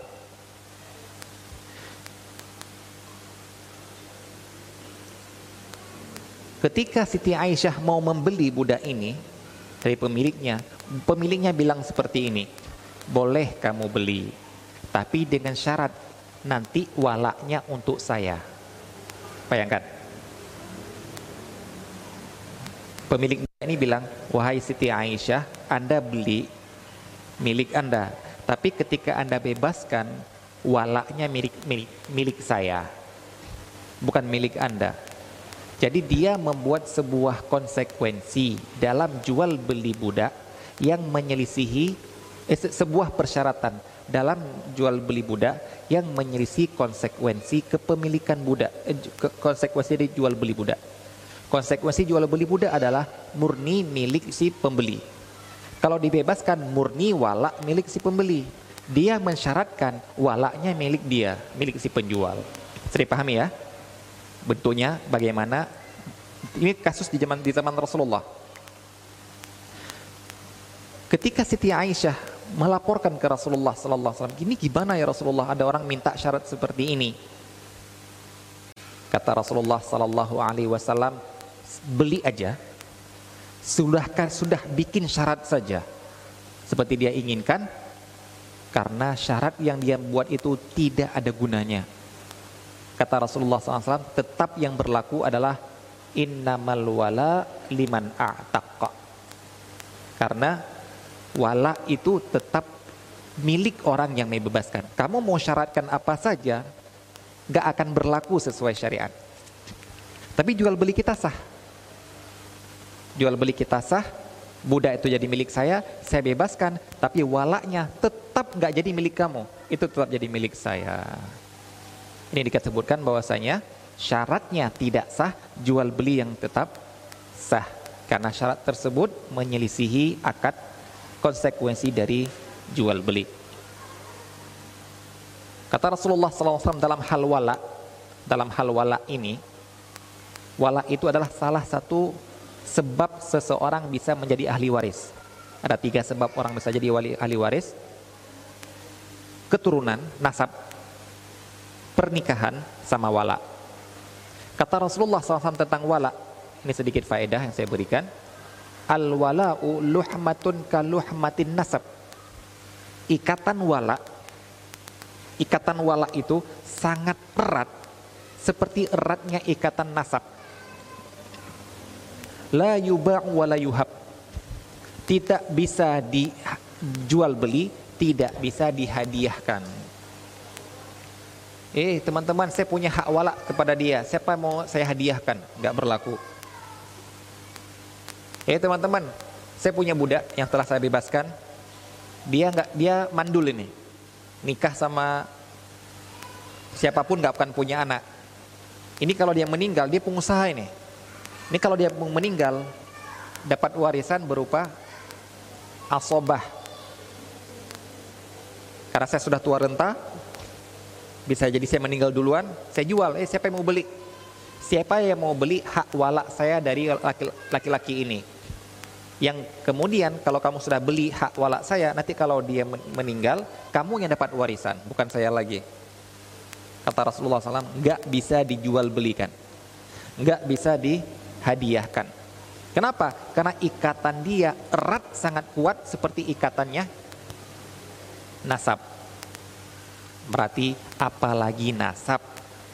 Apalagi nasab. Yang walak saja seperti ini apalagi nasab berarti tidak boleh diperjualbelikan. Tidak boleh dihadiahkan. Tahu adopsi ya? Adopsi pengadilan memutuskan sekarang dialah orang tua kamu. Apakah dengan dia bayarkan kepada orang tua aslinya ataupun rela orang tua asli menyerahkan hak apa ini? Hak nasab kepada dia tidak berlaku. Sudah diketok oleh pengadilan Ustadz. Silahkan ketok. Tapi kita punya prinsip dalam pengadilan kata para ulama al qada la yuhallilu al harama wa la yuharrimul halala. Atau al qada la yuhallilul batila Qadha itu tidak bisa menghalalkan yang haram, mengharamkan yang halal itu tidak bisa. Tetap hukumnya kamu bukan mahram. Tapi pengadilan sudah mengatakan saya ibunya, bukan mahram. Pengadilan memutuskan saya orang tuanya, tidak bisa mewarisi. Kalau tetap kamu wariskan, ya ada kezoliman yang kamu lakukan kepada ahli waris yang lain. Baik, ini adalah konsekuensi dari jual beli, dibuat persyaratan yang menyelisihinya, tidak berlaku persyaratan tersebut, namun jual belinya tetap sah. Yang berikutnya adalah contoh jual beli apa persyaratan yang tidak benar namun tidak membatalkan akad. Disebutkan di sini pembeli mensyaratkan barang yang dibeli akan dijual kembali Kemudian, kalau rugi karena harga pasarannya turun, maka penjual menanggung kerugiannya. Atau kalau tidak laku, maka penjual harus menerima barang itu kembali. Baik, mari kita lihat syarat ini, contoh ini, ini kita ingin minta menganalisa. Contoh ini dibawakan oleh Syekh Al-Utsaimin ataupun oleh para ulama dalam bentuk syarat yang menyelisihi konsekuensi akad. Dari sisi mana menyelisihinya ini? Yang namanya barang yang sudah saya beli mau rugi. Harganya rusak, hancur di pasaran. Itu saya yang tanggung jawab. Mau naik harganya, tiba-tiba beli hari ini ikan koi, saya beli ikan koi hari ini, besok tiba-tiba ikan koi lagi ngetren. Tinggi ikannya. Keuntungan siapa? Saya. Tapi hari ini saya beli janda bolong, besok ternyata harganya jatuh. Yang saya beli 2 juta jadi harganya 20 ribu. Siapa yang jawab? menurut konsekuensi akad saya sebagai pembeli yang siap bertanggung jawab apa pun yang saya beli. Namun sini saya membuat persyaratan. Kalau rugi, kamu yang nanggung ruginya. Penjualnya yang nanggung. Kalau nggak laku, kamu harus menerima pengembaliannya. Tapi di sini saya membuat sebuah persyaratan yang menyelisihi konsekuensi dari kepemilikan eh, konsekuensi dari jual beli. Maka syarat seperti ini tidak sah, namun jual beli tetap sah. Maksud tidak sah apa? Tidak wajib untuk ditaati. Baik itu maksud tidak sah. Kemudian kalau ada yang bilang, Ustadz, berarti yang dilakukan oleh, perhatikan, berarti yang dilakukan oleh dealer-dealer snack. Nah, Pernah kan? Ada penjual snack, makanan kecil, kemudian ada dealer yang sales yang siap menjamin, dia bilang. Ustaz, apa? Pak, ini satu dus 16 ribu. Ini ini ini snack baru. Wah, kalau snack baru gimana saya memperkenalkannya? Kalau nggak laku nanti, kalau nggak laku kembalikan, Pak. Kalau melempem kembalikan.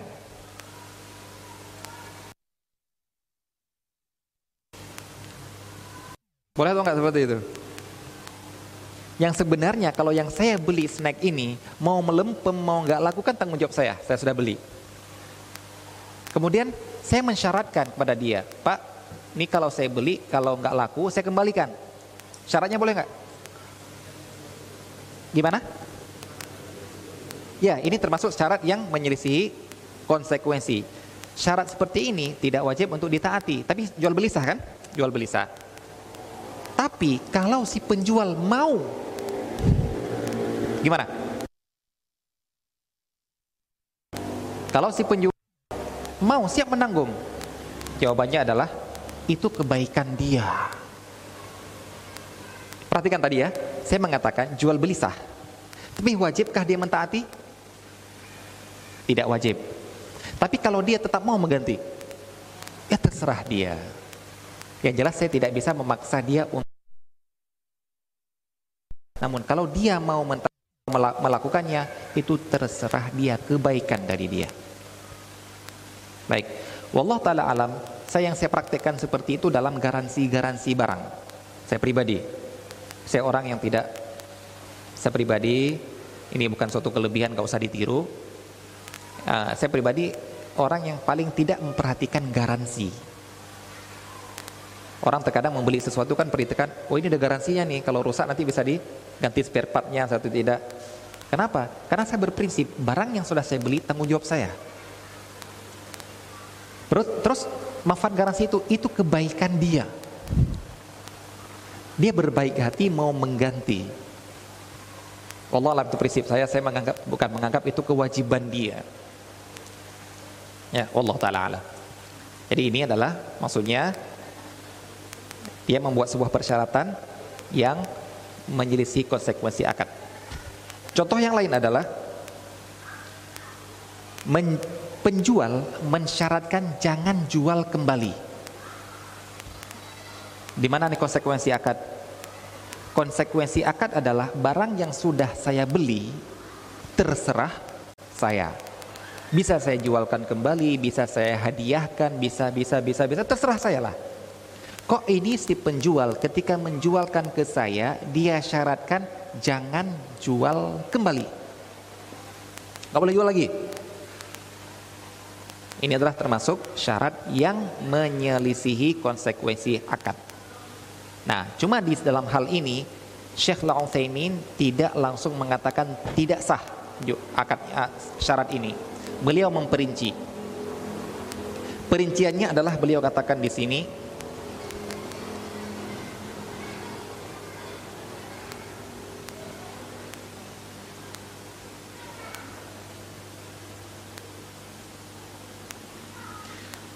Kalau memang alasan jangan jual kembali, tidak ada alasan yang benar, pokoknya nggak boleh jual lagi. Maka ini tidak wajib untuk ditaati. Kalau memang alasan dia membuat syarat jangan dijual kembali karena ada sebuah maslahat yang ingin di, di, di, diharapkan, apa contoh maslahatnya? Di sini beliau memberikan contoh maslahatnya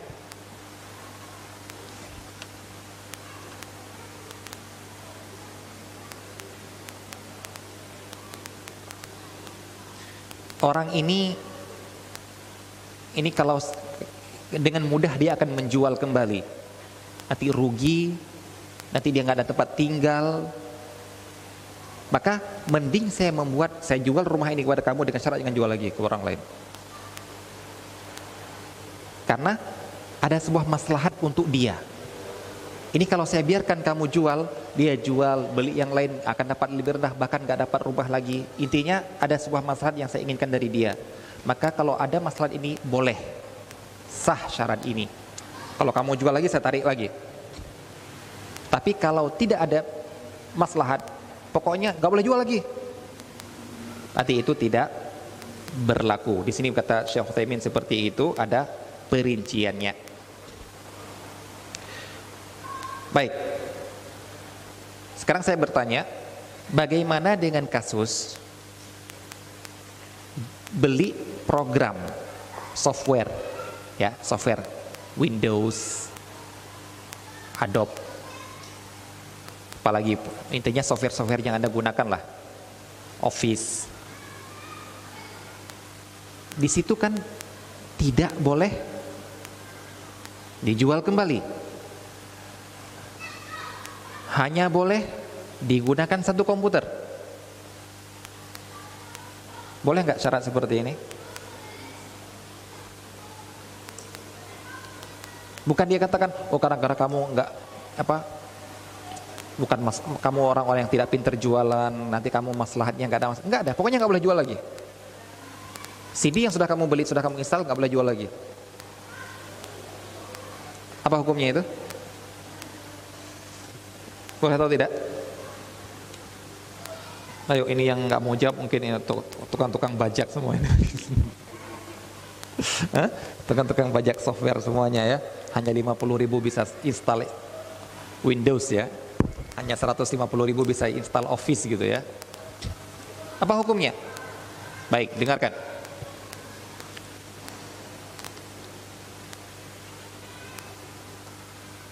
Saya pernah berdebat dengan teman dalam hal ini. Dia mengatakan boleh. Saya mengatakan tidak boleh. Apa alasan dia boleh? Alasan dia boleh persis seperti konsekuensi jual beli. Apa itu? Ini kan sudah milik saya, terserah saya menjualkannya kembali. Baik. Maka yang seperti ini saya katakan kamu tidak pernah membaca persyaratan ataupun bukan persyaratan, kamu tidak pernah membaca instruksi ketika menginstal software tersebut. Ya seperti umumnya kita lah. Apa yang kita seringnya kalau install sesuatu? Next, next, next, next, agree. Pernah baca? Kalau kita baca isinya, ternyata apa katanya? Apa tulisannya? Itu bukan menjual software, tapi hak guna software.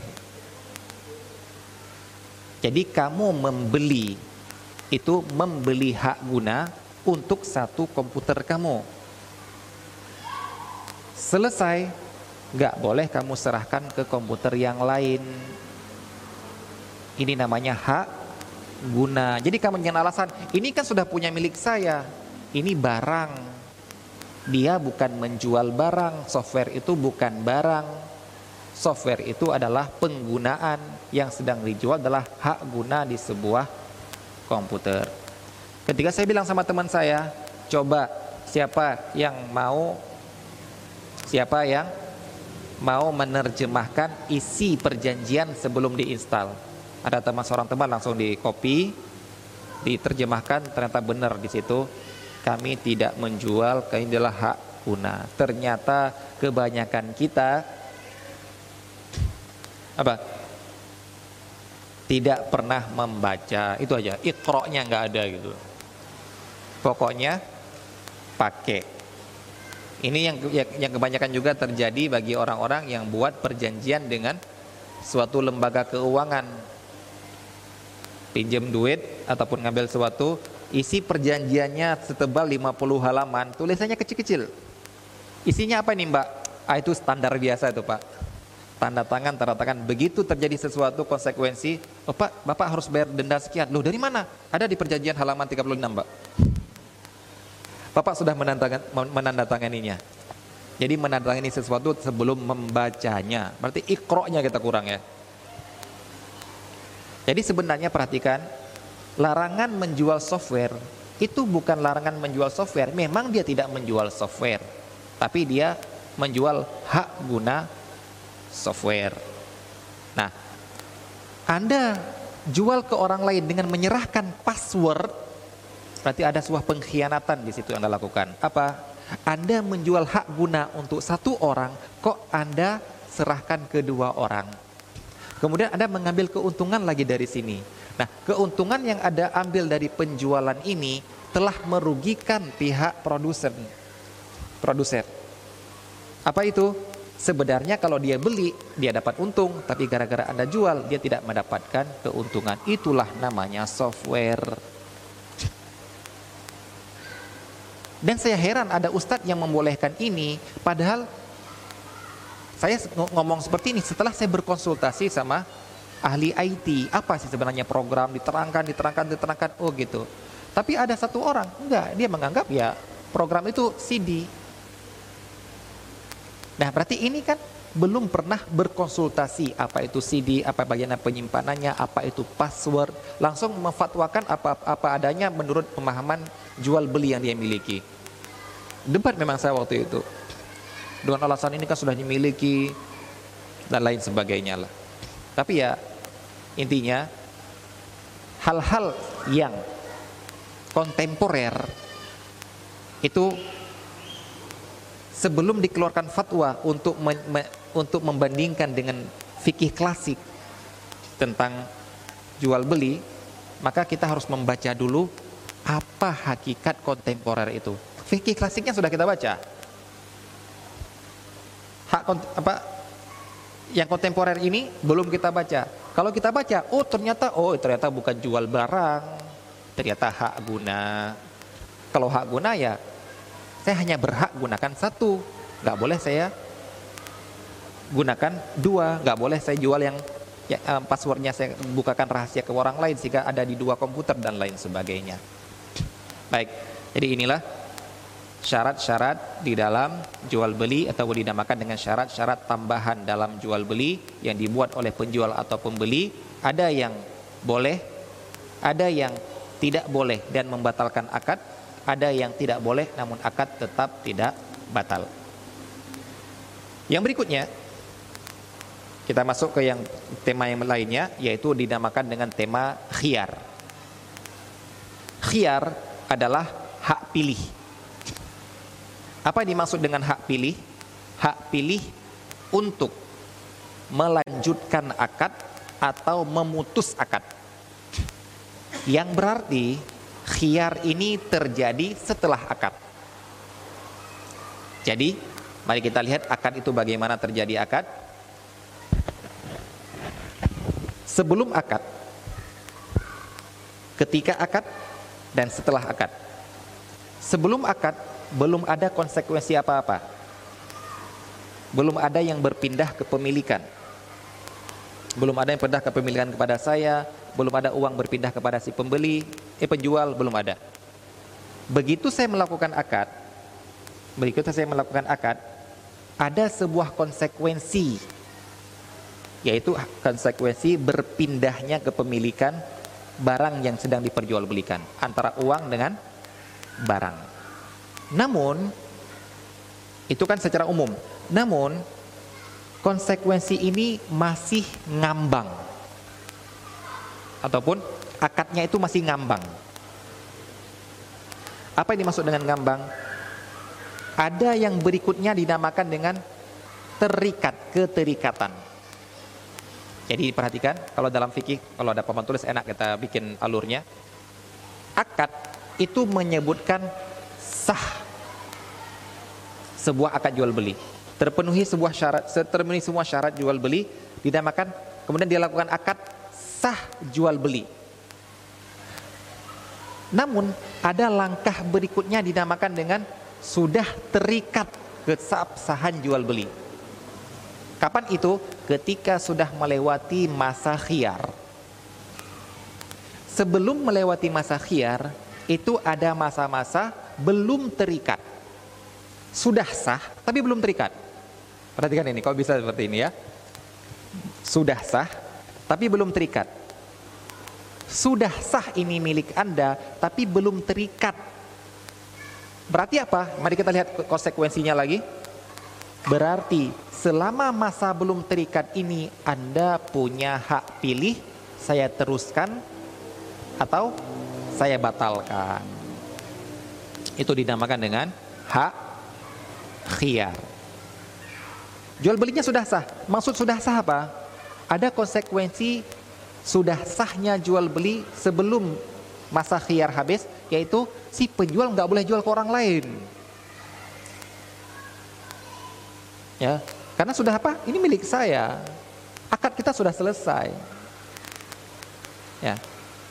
Kemudian kalau ada kerusakan-kerusakan barang, ya milik orang yang barang barang rusak ya milik si pem, milik si penjual, eh si pembeli. Karena konsekuensinya sudah apa? Akadnya sudah sah. Namun saya masih boleh membatalkan atau tidak membatalkan. Baik. Nah, ini yang dinamakan dengan hak khiyar. Nah, khiyar ini ada dua. Ada khiyar yang otomatis. Tanpa disyaratkan pun dia boleh dituntut. Boleh dituntut untuk pembatalan. Saya mau batalkan ya. Oh kan gak, ada syaratnya. Gak butuh syarat pak. Untuk yang hal ini tidak butuh syarat. Ada yang khiyarnya otomatis. Ada khiyarnya yang perlu disyaratkan dulu. Pak, itu loh baca baca persyaratannya kalau gini gini gini saya mau batalkan. Oh iya, batalkan. Baik, ini ada dua seperti itu. Khiyar itu juga ada dua. Dari segi siapa yang melakukan khiyar. Bisa dari khiyar itu dari satu pihak. Pak, saya Pak, Bapak mau khiyar enggak? Enggak, saya pokoknya sudah saya jual. Tapi saya ada khiyar, Pak ya. Saya bisa mengembalikan ya. Oh ya nggak apa-apa terserah kamu. Jadi terkadang khiyar itu bisa dari dua belah pihak. Penjual membuat khiyar, saya bisa, bisa membatalkan jual beli, si pembeli pun bisa mengatakan pembatalan jual beli. Ataupun dari satu pihak saja, si penjual dia sudah punya sudah saya jual, si pembeli masih mungkin untuk mengembalikan. Itu istilah istilahnya apa? Ada dari pihak mana terjadi khiyar. Bisa dari kedua belah pihak, bisa dari sebelah pihak. Baik, sekarang ini antara pembagian secara umum. Sekarang mari kita lihat eh, jenis-jenis uh, khiyar dalam jual beli. Nanti akan kita lihat apakah ini termasuk dari otomatis atau agar-agara akad. Yang pertama dinamakan dengan akad maj uh, khiyar majelis. Khiyar majelis adalah masa di mana eh, masa di mana seseorang masih boleh membatalkan jual beli ketika mereka masih berada di majelis jual beli. Masa di mana boleh memilih membatalkan atau mengiyakan selama masih di dalam majelis jual beli. Nanti akan kita lihat majelis itu batasannya apa. Baik. Jadi ketika saya melakukan akad, ini paling mudah kita laku, lihat ini adalah di dalam toko misalnya. Ketika saya sedang melakukan akad, selama saya masih di dalam toko, masih dianggap satu majelis, saya masih boleh membatalkan. Walaupun dia sudah mengambil uangnya, walaupun saya sudah mengambil barangnya. Kemudian saya kembalikan, dia harus menerima. Kenapa? Karena khiar ini otomatis. Tidak perlu diucapkan, dia terjadi secara otomatis. Berarti kalau saya mau mengembalikan, kamu harus menerima. Gak boleh bilang, oh enggak, oh enggak, kamu saat dikembalikan. Kecuali nanti akan kita lihat kecualinya bagaimana. Baik. Kemudian berarti kalau dia sudah keluar dari majelis, bukan lagi di dalam majelis, Berarti tidak berhak dia mengembalikan dan tidak wajib untuk menerima pengembaliannya karena sudah putus masa khiyar. Begitu kamu keluar ke sana itu sudah termasuk tidak ada masa khiyar lagi. Maka kamu keluar kemudian masuk. Pak, eh, nggak uh, jadi beli Pak ya. Ternyata tadi istri saya telepon, dia sudah beli barang yang sama. Maka si penjual berhak mengatakan, maaf, saya tidak terima lagi karena kamu sudah keluar dari majelis. Sebaliknya juga penjual, begitu dia sudah keluar, pak, pak, pak, tolong pak, ya saya butuh itu pak, saya ini saya kembalikan uangnya. Maaf pak, saya sudah keluar dari majelis, bapak tidak berhak untuk mengembalikan dan saya tidak wajib untuk menerimanya. Ini pernah terjadi saya pribadi ketika sedang langka-langkanya gas LPG kemudian saya membeli alhamdulillah ada satu toko satu warung ada gas. Begitu saya sudah beli saya taruh saya bayar uang. Tiba-tiba istrinya datang pak gas yang tadi yang satu lagi mana pak? Ini sudah dibeli. Waduh maaf mas. Ini kita butuh di dapur kita kosong ini. Dalam hati saya khiar majelis walaupun mungkin orangnya nggak paham khiar majelis ya tapi ya sudah mau apa lagi? Ya sudah saya belum mengeluarkan dari toko, belum masuk, belum naikkan ke atas motor. Kalau sudah naikkan motor, saya nggak mau lagi saya. Saya ini punya saya sekarang sudah keluar dari toko. Tapi ya, ya sudah, saya kembalikan, uangnya kembalikan. Baik, ini namakan masa majlis dan dia terjadinya otomatis. Nah, apa hikmahnya Apa hikmahnya disebut oleh para ulama tentang hikmahnya disyariatkan khiar ini karena terkadang ada orang yang menyesal setelah membeli sesuatu ternyata akhirnya diberikanlah hak bagi si pembeli ini ataupun si penjual untuk mengadakan untuk melakukan koreksi kembali dari jual beli yang dilakukannya. Dalam sebuah hadis Rasulullah SAW mengatakan al-bayyani bil khiyari ma lam yatafarraqa. Itu hadisnya yang menyebutkan tentang hak khiyar yang diberikan langsung oleh syariat. Bukan Anda yang membuatnya. Yaitu penjual dan pembeli punya hak khiyar sebelum mereka berpisah.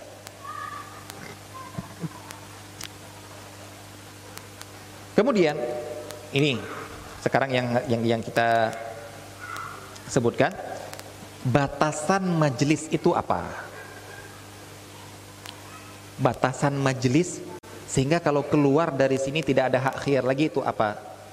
Wallahu taala alam itu semua diserahkan kepada adat masing-masing. Karena sesuatu yang tidak dibatasi oleh syariat diberikan batasannya kepada adat masing-masing. Contohnya seperti nafkah yang disebutkan di dalam hadis cuma memberi nafkah bil ma'ruf. Berapa yang diberikan? berapa kalau di Indonesia berapa rupiah wajibnya si suami memberikan nafkah kepada istrinya? Tidak disebutkan berapa. Tapi wajib beri. Terus dikembalikan kepada adat. Adat setempat adat di Saudi beda dengan adat di Indonesia dalam memberikan makan jumlahnya dan lain sebagainya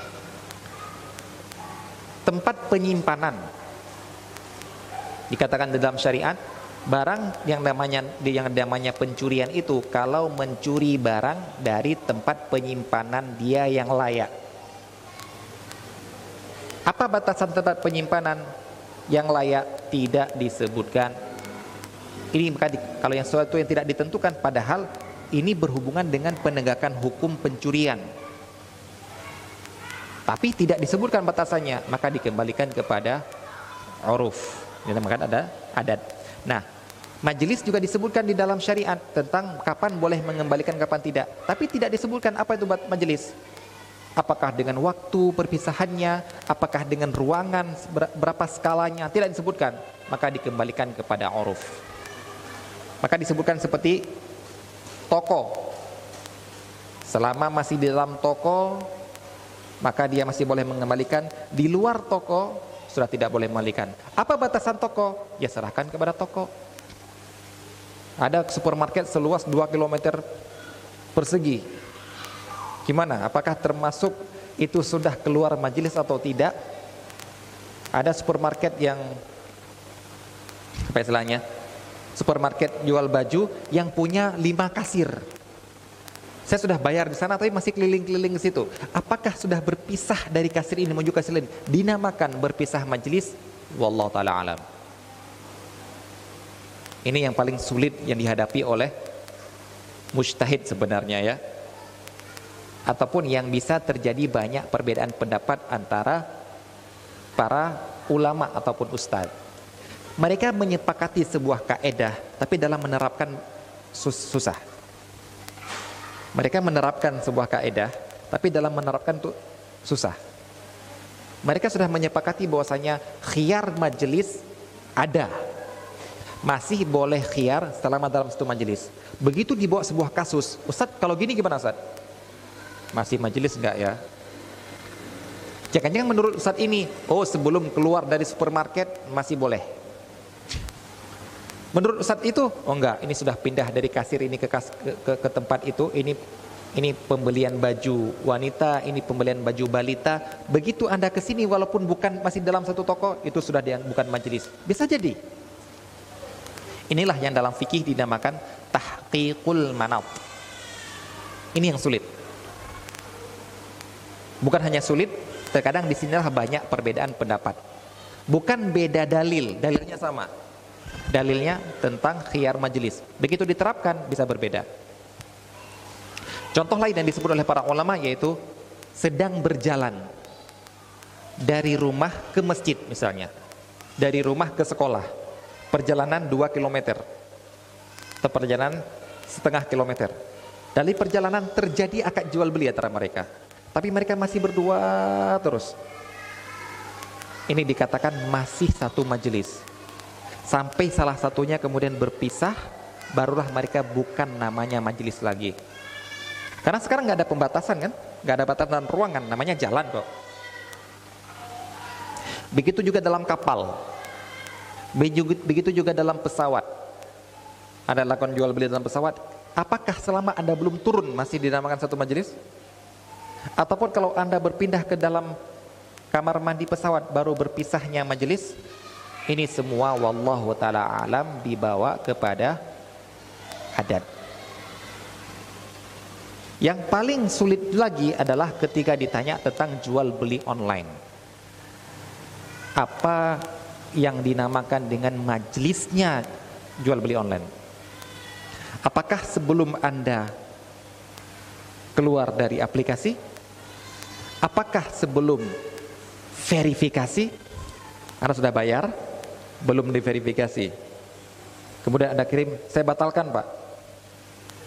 Apakah itu dinamakan majelis? Atau ketika verifikasi sudah diterima, sedang sampaikan ke penjual. Kita baca belum direspon oleh penjual. Apakah itu masih dalam makan majelis sehingga saya masih boleh membatalkan? Atau sudah diterima oleh penjual tapi belum disebutkan barang terkirim? Wallahu taala alam. Yang jelas hadisnya tetap satu majelis, cuma apa yang dinamakan majelisnya jual beli online. Allah taala alam. Baik. Ya kalau ditanya sama saya apa Ustaz? Wallah kalau, kalau saya pribadi lebih cenderung sudah Anda sudah close sudah. Ya, itu pribadi saya. Amin ada Ustaz lain mengatakan enggak sampai benar-benar barang sudah mau dikirim itu baru masih Anda boleh batalkan. Baik, berarti sulit Ustaz. Ya, ini namanya tahqiq manab. Sedang mempraktekkan dalil dalam sebuah kasus. Dalilnya benar semuanya. Baik. Poin yang berikutnya adalah tidak boleh seseorang yang melakukan akad setelah melakukan akad sengaja keluar dari majelis bertujuan untuk agar tidak dibatalkan lagi oleh rekannya. Udah ya, ya cuk lari. Masuk lagi dia. Hanya sekedar ingin berpisah sebentar agar dia tidak bisa membatalkan lagi. Baru masuk lagi dia. Baik. Ini ada ada larangannya.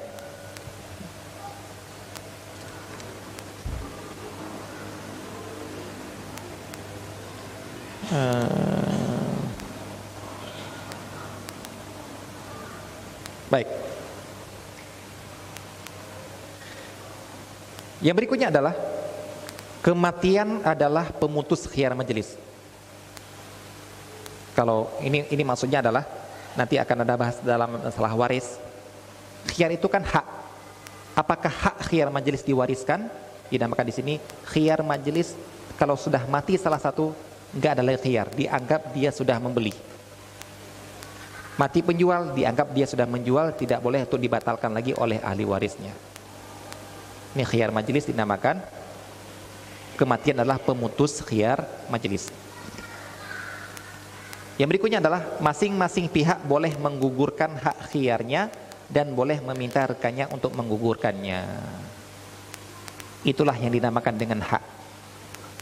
Hak itu seperti sebagai tadi hak manusia boleh untuk meng menggugurkannya. Baik. Inilah yang dilakukan oleh beberapa toko dengan menulis barang yang sudah dibeli tidak boleh dikembalikan lagi. Boleh nggak ucapan seperti itu? Tulisan seperti itu boleh? Untuk khiar majelis boleh. Nah itu ya, itu, jawaban yang benar. Untuk khiar majelis boleh. Untuk khiar syarat nanti, khiar syarat adalah membuat syarat baru. Itu boleh. Tapi untuk khiar aib tidak boleh. Khiar cacat. Kalau saya beli ternyata ada cacat, saya masih tetap bisa memboleh boleh menjualkan mengembalikan karena ini adalah cacat juga otomatis. Tapi ya kalau yang dimaksud bisu itu adalah maksudnya tidak ada apa-apa Anda hanya ingin membatalkan saja. Pak tolong dibaca Pak. Saya dari saya jual dengan mensyaratkan menggugurkan hak khiar majelis. Berarti Anda ketika mau beli dengan baca itu Anda setuju bahwasanya ketika membeli ini tidak ada khiyar majelis, tidak lagi dikembalikan. Baik. Nah, ini enak sudah. Begitu plek akad nggak ada kembalikan, walaupun sedetik kemudian nggak ada kembalikan. Kenapa? Sudah digugurkan. Atau saya minta digugurkan, saya nggak ditulis. Pak, tapi kalau sudah beli nggak nggak boleh dikembalikan ya. Itu maksudnya apa? Menggugurkan hak khiyar majelis. Nggak perlu bilang, Pak, nggak ada khiyar majelis Pak ya. Nanti malah bingung dia, khir majelis itu apa?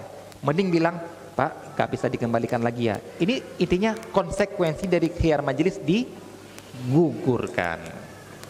Baik, demikian dapat kita sampaikan tentang khiyar majelis. Yang berikutnya insya Allah akan kita masuk ke khiyar yang dibuat persyaratannya. Kalau tadi yang otomatis, itu dinamakan dengan khiyar syarat. Apa fungsinya, bagaimana kelebihannya, nanti akan kita sampaikan pada pertemuan akan datang. Wassalamualaikum. Assalamualaikum warahmatullahi wabarakatuh.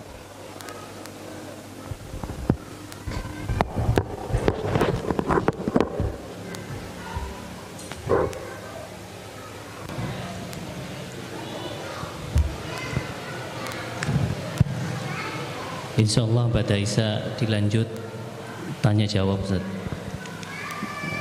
Durasi 30 menit sampai jam 8 insya Allah.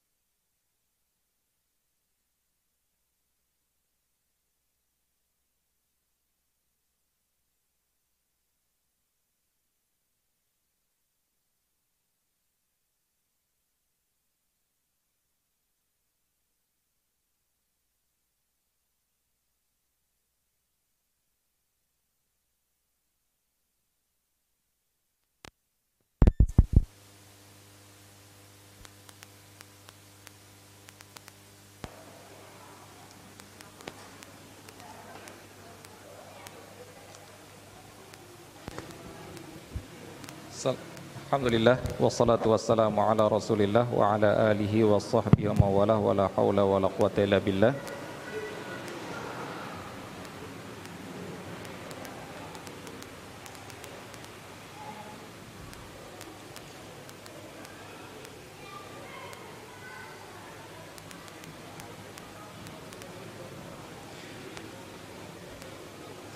Bagaimana hukumnya jika ada teman yang mau pinjam uang?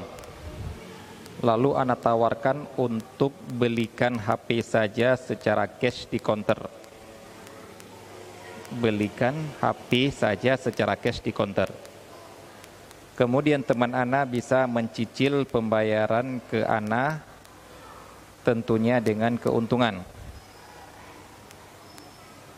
Jika butuh uang, Ana sarankan teman Ana jual HP ke counter itu lagi atau bebas ke counter lainnya.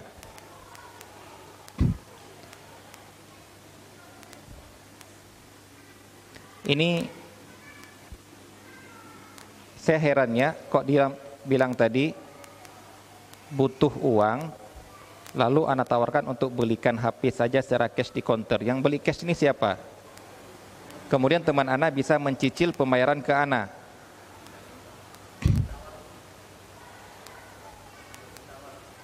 Oh, berarti dia membeli HP cash itu dengan cara saya kasih uang ke dia. Dia mau pinjam ke anak. Ada teman yang meminjam uang ke anak. Lalu anak tawarkan beli HP cash saja, yang ngasih uang saya. Oh saya beli ke konter dulu. Baik, saya beli ke konter dulu HP tersebut. Kemudian saya tawarkan ke teman, mencicil pembayaran ke Ana tentunya dengan keuntungan. Baik. Sampai ke sini dulu. Nanti kalau butuh uang itu lain lagi. Berarti sekarang ketika dia butuh uang beli beli HP, nggak usah pinjam. Saya datang ke konter beli HP. Kemudian dari konter ini setelah saya miliki HP itu tuh saya jual ke dia secara kredit dengan ambil keuntungan uh, apa dengan kabel keuntungan tentunya. Boleh seperti ini Jawaban secara umum adalah kalau terpenuhi syarat jual beli ketika saya melakukan akad dengan dia, bukan saya dengan counter. Saya dengan counter selesai. Saya dengan counter dengan membeli HP selesai. Sekarang antara saya dengan orang ini kalau sudah kalau ter, terjadi akad jual beli sesuai dengan syarat-syaratnya maka sah. Apa yang dimaksud dengan Nah sekarang mari kita lebih perinci lagi apa yang dimaksud dengan terjadinya akad jual beli dengan sebenarnya antara saya dengan dia. Yaitu barang tersebut benar-benar sudah keluar dari konter jadi milik saya. Bukan dia yang datang ke konter minta HP, namun barang itu sudah menjadi milik saya. Kemudian saya dengan dia baru mengadakan akad ketika barang itu ada di tangan saya. Baru perhatikan kata-kata saya, baru mengadakan akad. Katakan barang itu ada di tangan saya. Berarti sebelumnya tidak ada ikatan apa-apa antara saya dengan dia. Ketika saya bilang saya, kamu butuh pinjam uang untuk apa? Mau beli HP. Udahlah, Gini aja, kalau saya, saya belikan HP, kamu beli dari saya ya. Ini, kalau hanya sekedar hanya bukan janji, hanya sekedar, oh ya, nanti kita lihat. Maka tidak mengapa. Tapi kalau saya dengan dia sudah mengadakan akad, padahal saya belum beli HP, tidak boleh. Terbukti di mana? Terbuktinya di mana? Selalu saya katakan, untuk membuktikan konsekuensi, carilah kasus yang nggak enak, rusak, gagal, itu. Buktinya adalah setelah saya beli, begitu saya tawarkan ke kamu, eh ini HP-nya sudah saya beli, ayo beli dari saya. Oh nggak jadi. Apa komentar saya? Kalau saya marah-marah, berarti oh ini ada apa-apa ini. Saya marahin kamu, kenapa kamu nggak beli, kamu berkhianat, kamu mengingkari janji. Padahal tadi ketika sebelum sebelum saya beli nggak ada nggak ada konsekuensi apa-apa karena saya belum saya tidak boleh mengadakan akad ketika barang belum ada. Inilah yang namanya jual beli. Anda mau jual, setelah Anda beli, kalau tidak laku, ya tanggung resiko. Kenapa saya marah-marah ketika saya tidak mau menanggung resiko? Dan inilah yang biasa dipraktekkan oleh lembaga-lembaga keuangan dalam KPR, dalam leasing. Mereka menjual, mengadakan akad jual beli padahal barang belum ada. Sehingga begitu barang ada, harus dipaksa. Kamu sudah harus mengambil karena sudah beli. Padahal belum boleh mengadakan akad jual beli sebelum barang belum ada. Baik, alurnya alurnya seperti ini. Alurnya seperti ini. Jadi intinya mari kita kembalikan ke syarat jual beli. Jangan adakan jual beli sebelum syarat terpenuhi. Di antaranya yang paling urgen di sini adalah kepemilikan barang.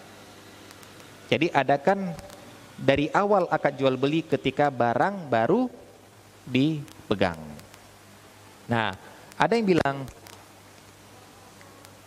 Ustaz, kalau dia nggak jadi beli, rugi dong saya sana. Sebenarnya ada jalan keluar. Cuma terkadang kamu tidak mau keluar dari jalan itu, kamu bobol dinding.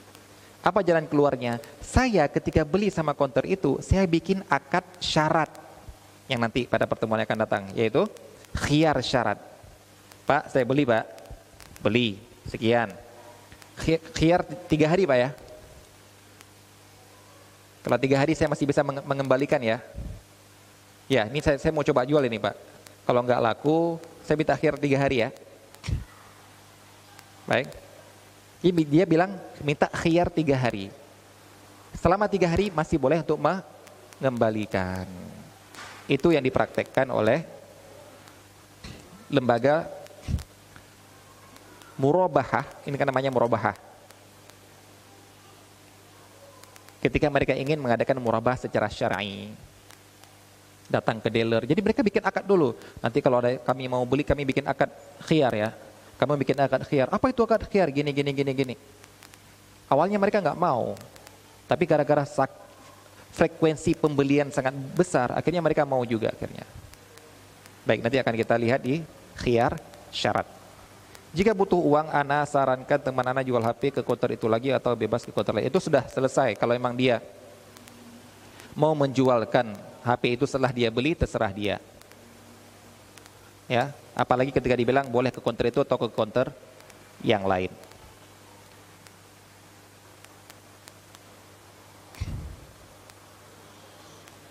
Misal ada tetangga hajatan, kita menyumbang gula 25 kilogram Wih banyak sekali.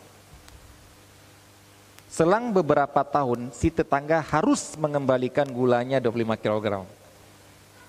Atau uang seharga gula sekarang 25 kg. Bagaimana hukumnya sumbang menyumbang seperti itu di lingkungan saya biasa seperti itu.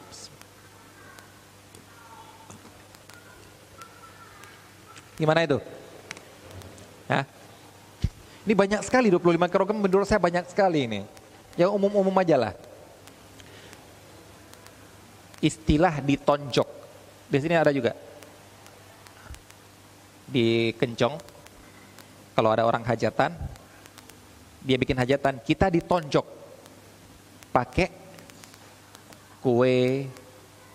Jadi sudah dikirim ke rumah nasi satu kotak besek dengan undangan sudah ditonjok kita duluan yang ini mengharuskan kita memberi ke dia ketika datang nanti uang senilai ini ataupun lebih biasanya. Ini namanya ditonjok kita kata. Ibu mertua saya pernah dapat undangan, mungkin saya selalu menceritakan ini karena sesuatu yang aneh menurut saya. Undangan ditonjok pakai sabun Lifebuoy ada undangan di situ. Saya lihat, ada dua, saya baca. Loh bu, ini acaranya sama, di hari yang sama, yang undang orang yang sama. Kok dua ibu? Jawaban ibu, ibu mertua saya, nak, dia itu cuma punya anak satu-satunya itu, ibu sudah pernah mengadakan dua kali. Biar seimbang, dia nonjok ibu pakai dua walaupun acaranya satu. Oh. Jadi apa istilahnya ini? Saya sudah ngasih ke Anda, Anda harus ngasih ke saya. Baik, apa itu? Apa itu? Akad apa ini? Hah? Tabarruk, tabarruk, gak ada tabarruk minta pahala dari Allah. Hutang.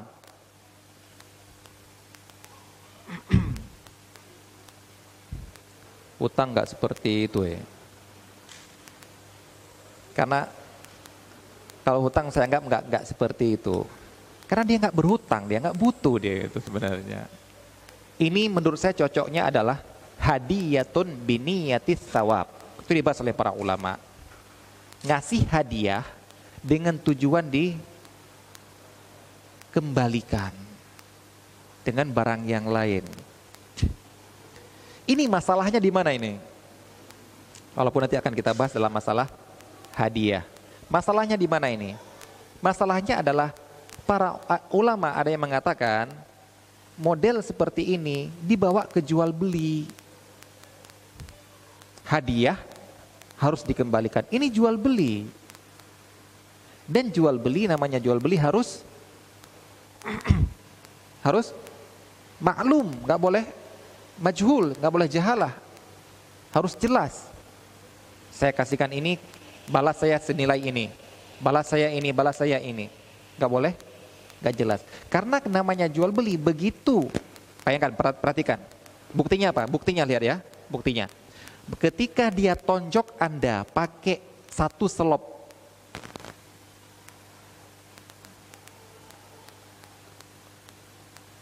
uh, apa merek rokok apa itu satu selop rokok kemudian anda ngasih sepuluh ribu marah nggak dia Gak ridho dia Anda kasih segitu. Ini menunjukkan jual beli Pak. Dan jual beli kalau nggak jelas seperti itu jadi jadi nggak sah kan? Nah, yang seperti ini wallah taala alam, kalau memang dikatakan oleh ulama ini adalah jual beli, berarti jual beli harus jelas. Kalau jelas nggak apa-apa. Anda rela mengadakan akad jual beli, adakan. Tapi harus jelas. Jadi kalau Anda katakan seperti ini, selang beberapa tahun si tetangga harus mengembalikan gula 25 kg. Ini jadinya apa nanti ini? Jual gula, bayar dengan gula.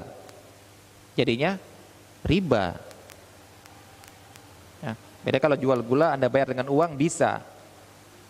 Kalau kita namakan hadiah dengan niat dibalas itu adalah jual beli berarti tidak boleh gula dengan gula atau uang seharga gula sekarang.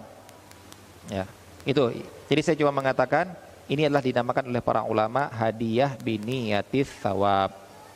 Jadi sebenarnya gampang. Jangan kalau Anda tidak mau sulit membalas daripada diejek dan sebagainya, jangan nerima hadiah. Begitu Anda ditonjok, kembalikan. Bilang, seperti Anda tidak mau menjual beli, seperti Anda tidak mau jual beli, apalagi ditekan di, di, di sini dinamakan menyumbang. Sebenarnya itu bukan menyumbang. Menyumbang itu akad tabarru'i. Akad sosial. Hadiah itu akad sosial. Begitu Anda komersialkan, nanti bisa berubah menjadi akad jual beli. Nanti insya Allah ada pembahasannya. Namun saya secara garis besar mengatakan ini bisa jadi akan bisa berubah menjadi akad jual beli yang dikatakan oleh sebagian para ulama. Bismillah, bagaimana hukumnya sistem penjualan yang menggunakan agen dengan sistem Apabila dalam satu bulan tidak mencapai target, maka bulan selanjutnya diskon akan turun. Jika naik lagi, maka diskonnya akan naik. Tidak mengapa. Kenapa tidak mengapa? Karena yang namanya sistem agen itu adalah sistem perwakilan. Prinsip dasar perwakilan adalah wakil hanya berhak bertransaksi sesuai dengan instruksi dari yang mewakilkan. Malah kalau Anda dibilang jangan jual kecuali harga sekian, harganya 20 ribu, nggak boleh jual lebih. Anda tidak boleh jual lebih. Tidak boleh jual harga di bawah itu. Anda tidak boleh jual harga di bawah itu. Kenapa? Itulah prinsip wakil. Hanya boleh bertransaksi sesuai dengan yang ditugaskan oleh orang yang mewakilkan. Jadi kalau dia memberikan diskon, terserah dia. Membatalkan diskon, terserah dia. Sampai membatalkan akad pun terserah dia. Eh, kamu nggak kami kamu tidak jadi agen lagi ya, terserah dia. Karena itulah namanya wakil.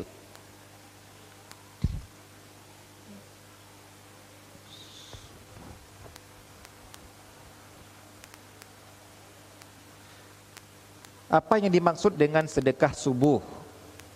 Apakah dal, adakah dalil yang mensyariatkan mengkhususkan sedekah di waktu subuh atau pagi hari?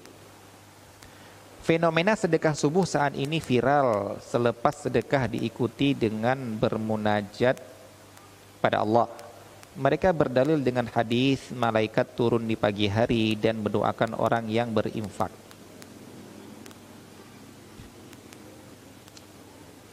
Baik. Benar hadis itu benar.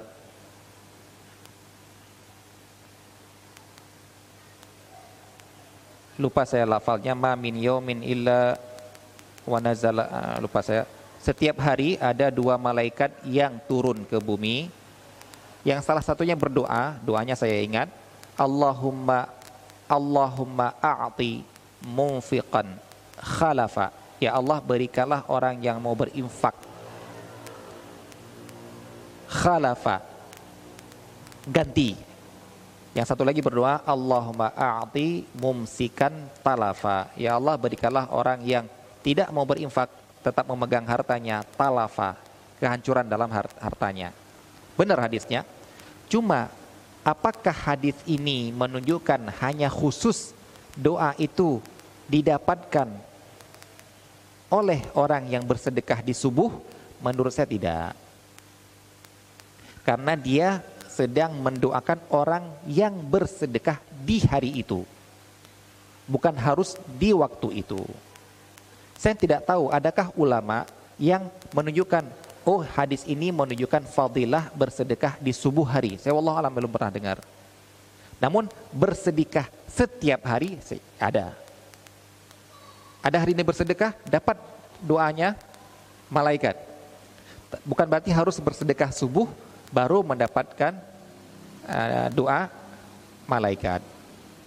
Ya, jadi kalau Anda mau bersedekah subuh, ya tidak mengapa. Tapi meyakini bahwasanya keutamaan itu hanya khusus didapat subuh gara-gara doa malaikat itu, itu wallah taala saya belum pernah mendapat uh, belum pernah melihat perincian sedetil itu. Baik. Jadi Anda mau bersedekah subuh, bukan subuh, terserah. Yang jelas namanya sedekah itu karena dia adalah bukan hal yang wajib. Tidak ada orang khusus yang boleh menerimanya. Beda kalau zakat, tidak boleh kita karang-karang ada orang-orang khusus yang boleh menerimanya. Maka menurut saya yang lebih afdol untuk mendapatkan sedekah adalah orang yang paling butuh. Orang yang paling butuh. Makanya saya heran kalau ada orang yang mau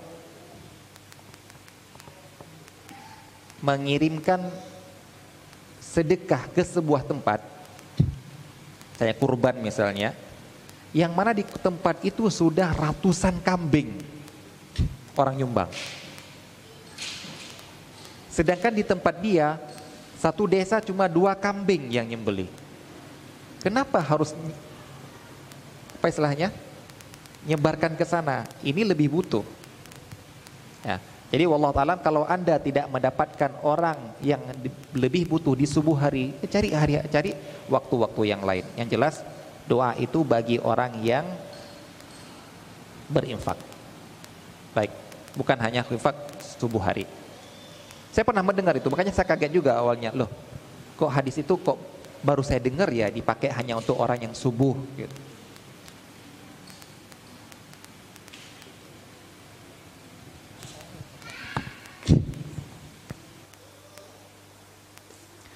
Ustadz, bagaimana hukum bagi seseorang yang memperbanyak suatu buku dengan memfotokopi untuk pribadi dengan dalih buku tersebut terbatas dan terdapat tulisan tidak boleh memperbanyak tanpa izin? Jawabannya tidak boleh. Kenapa Ustadz? Karena ini hak manusia, berarti Anda hanya berhak tanya ke manusia itu.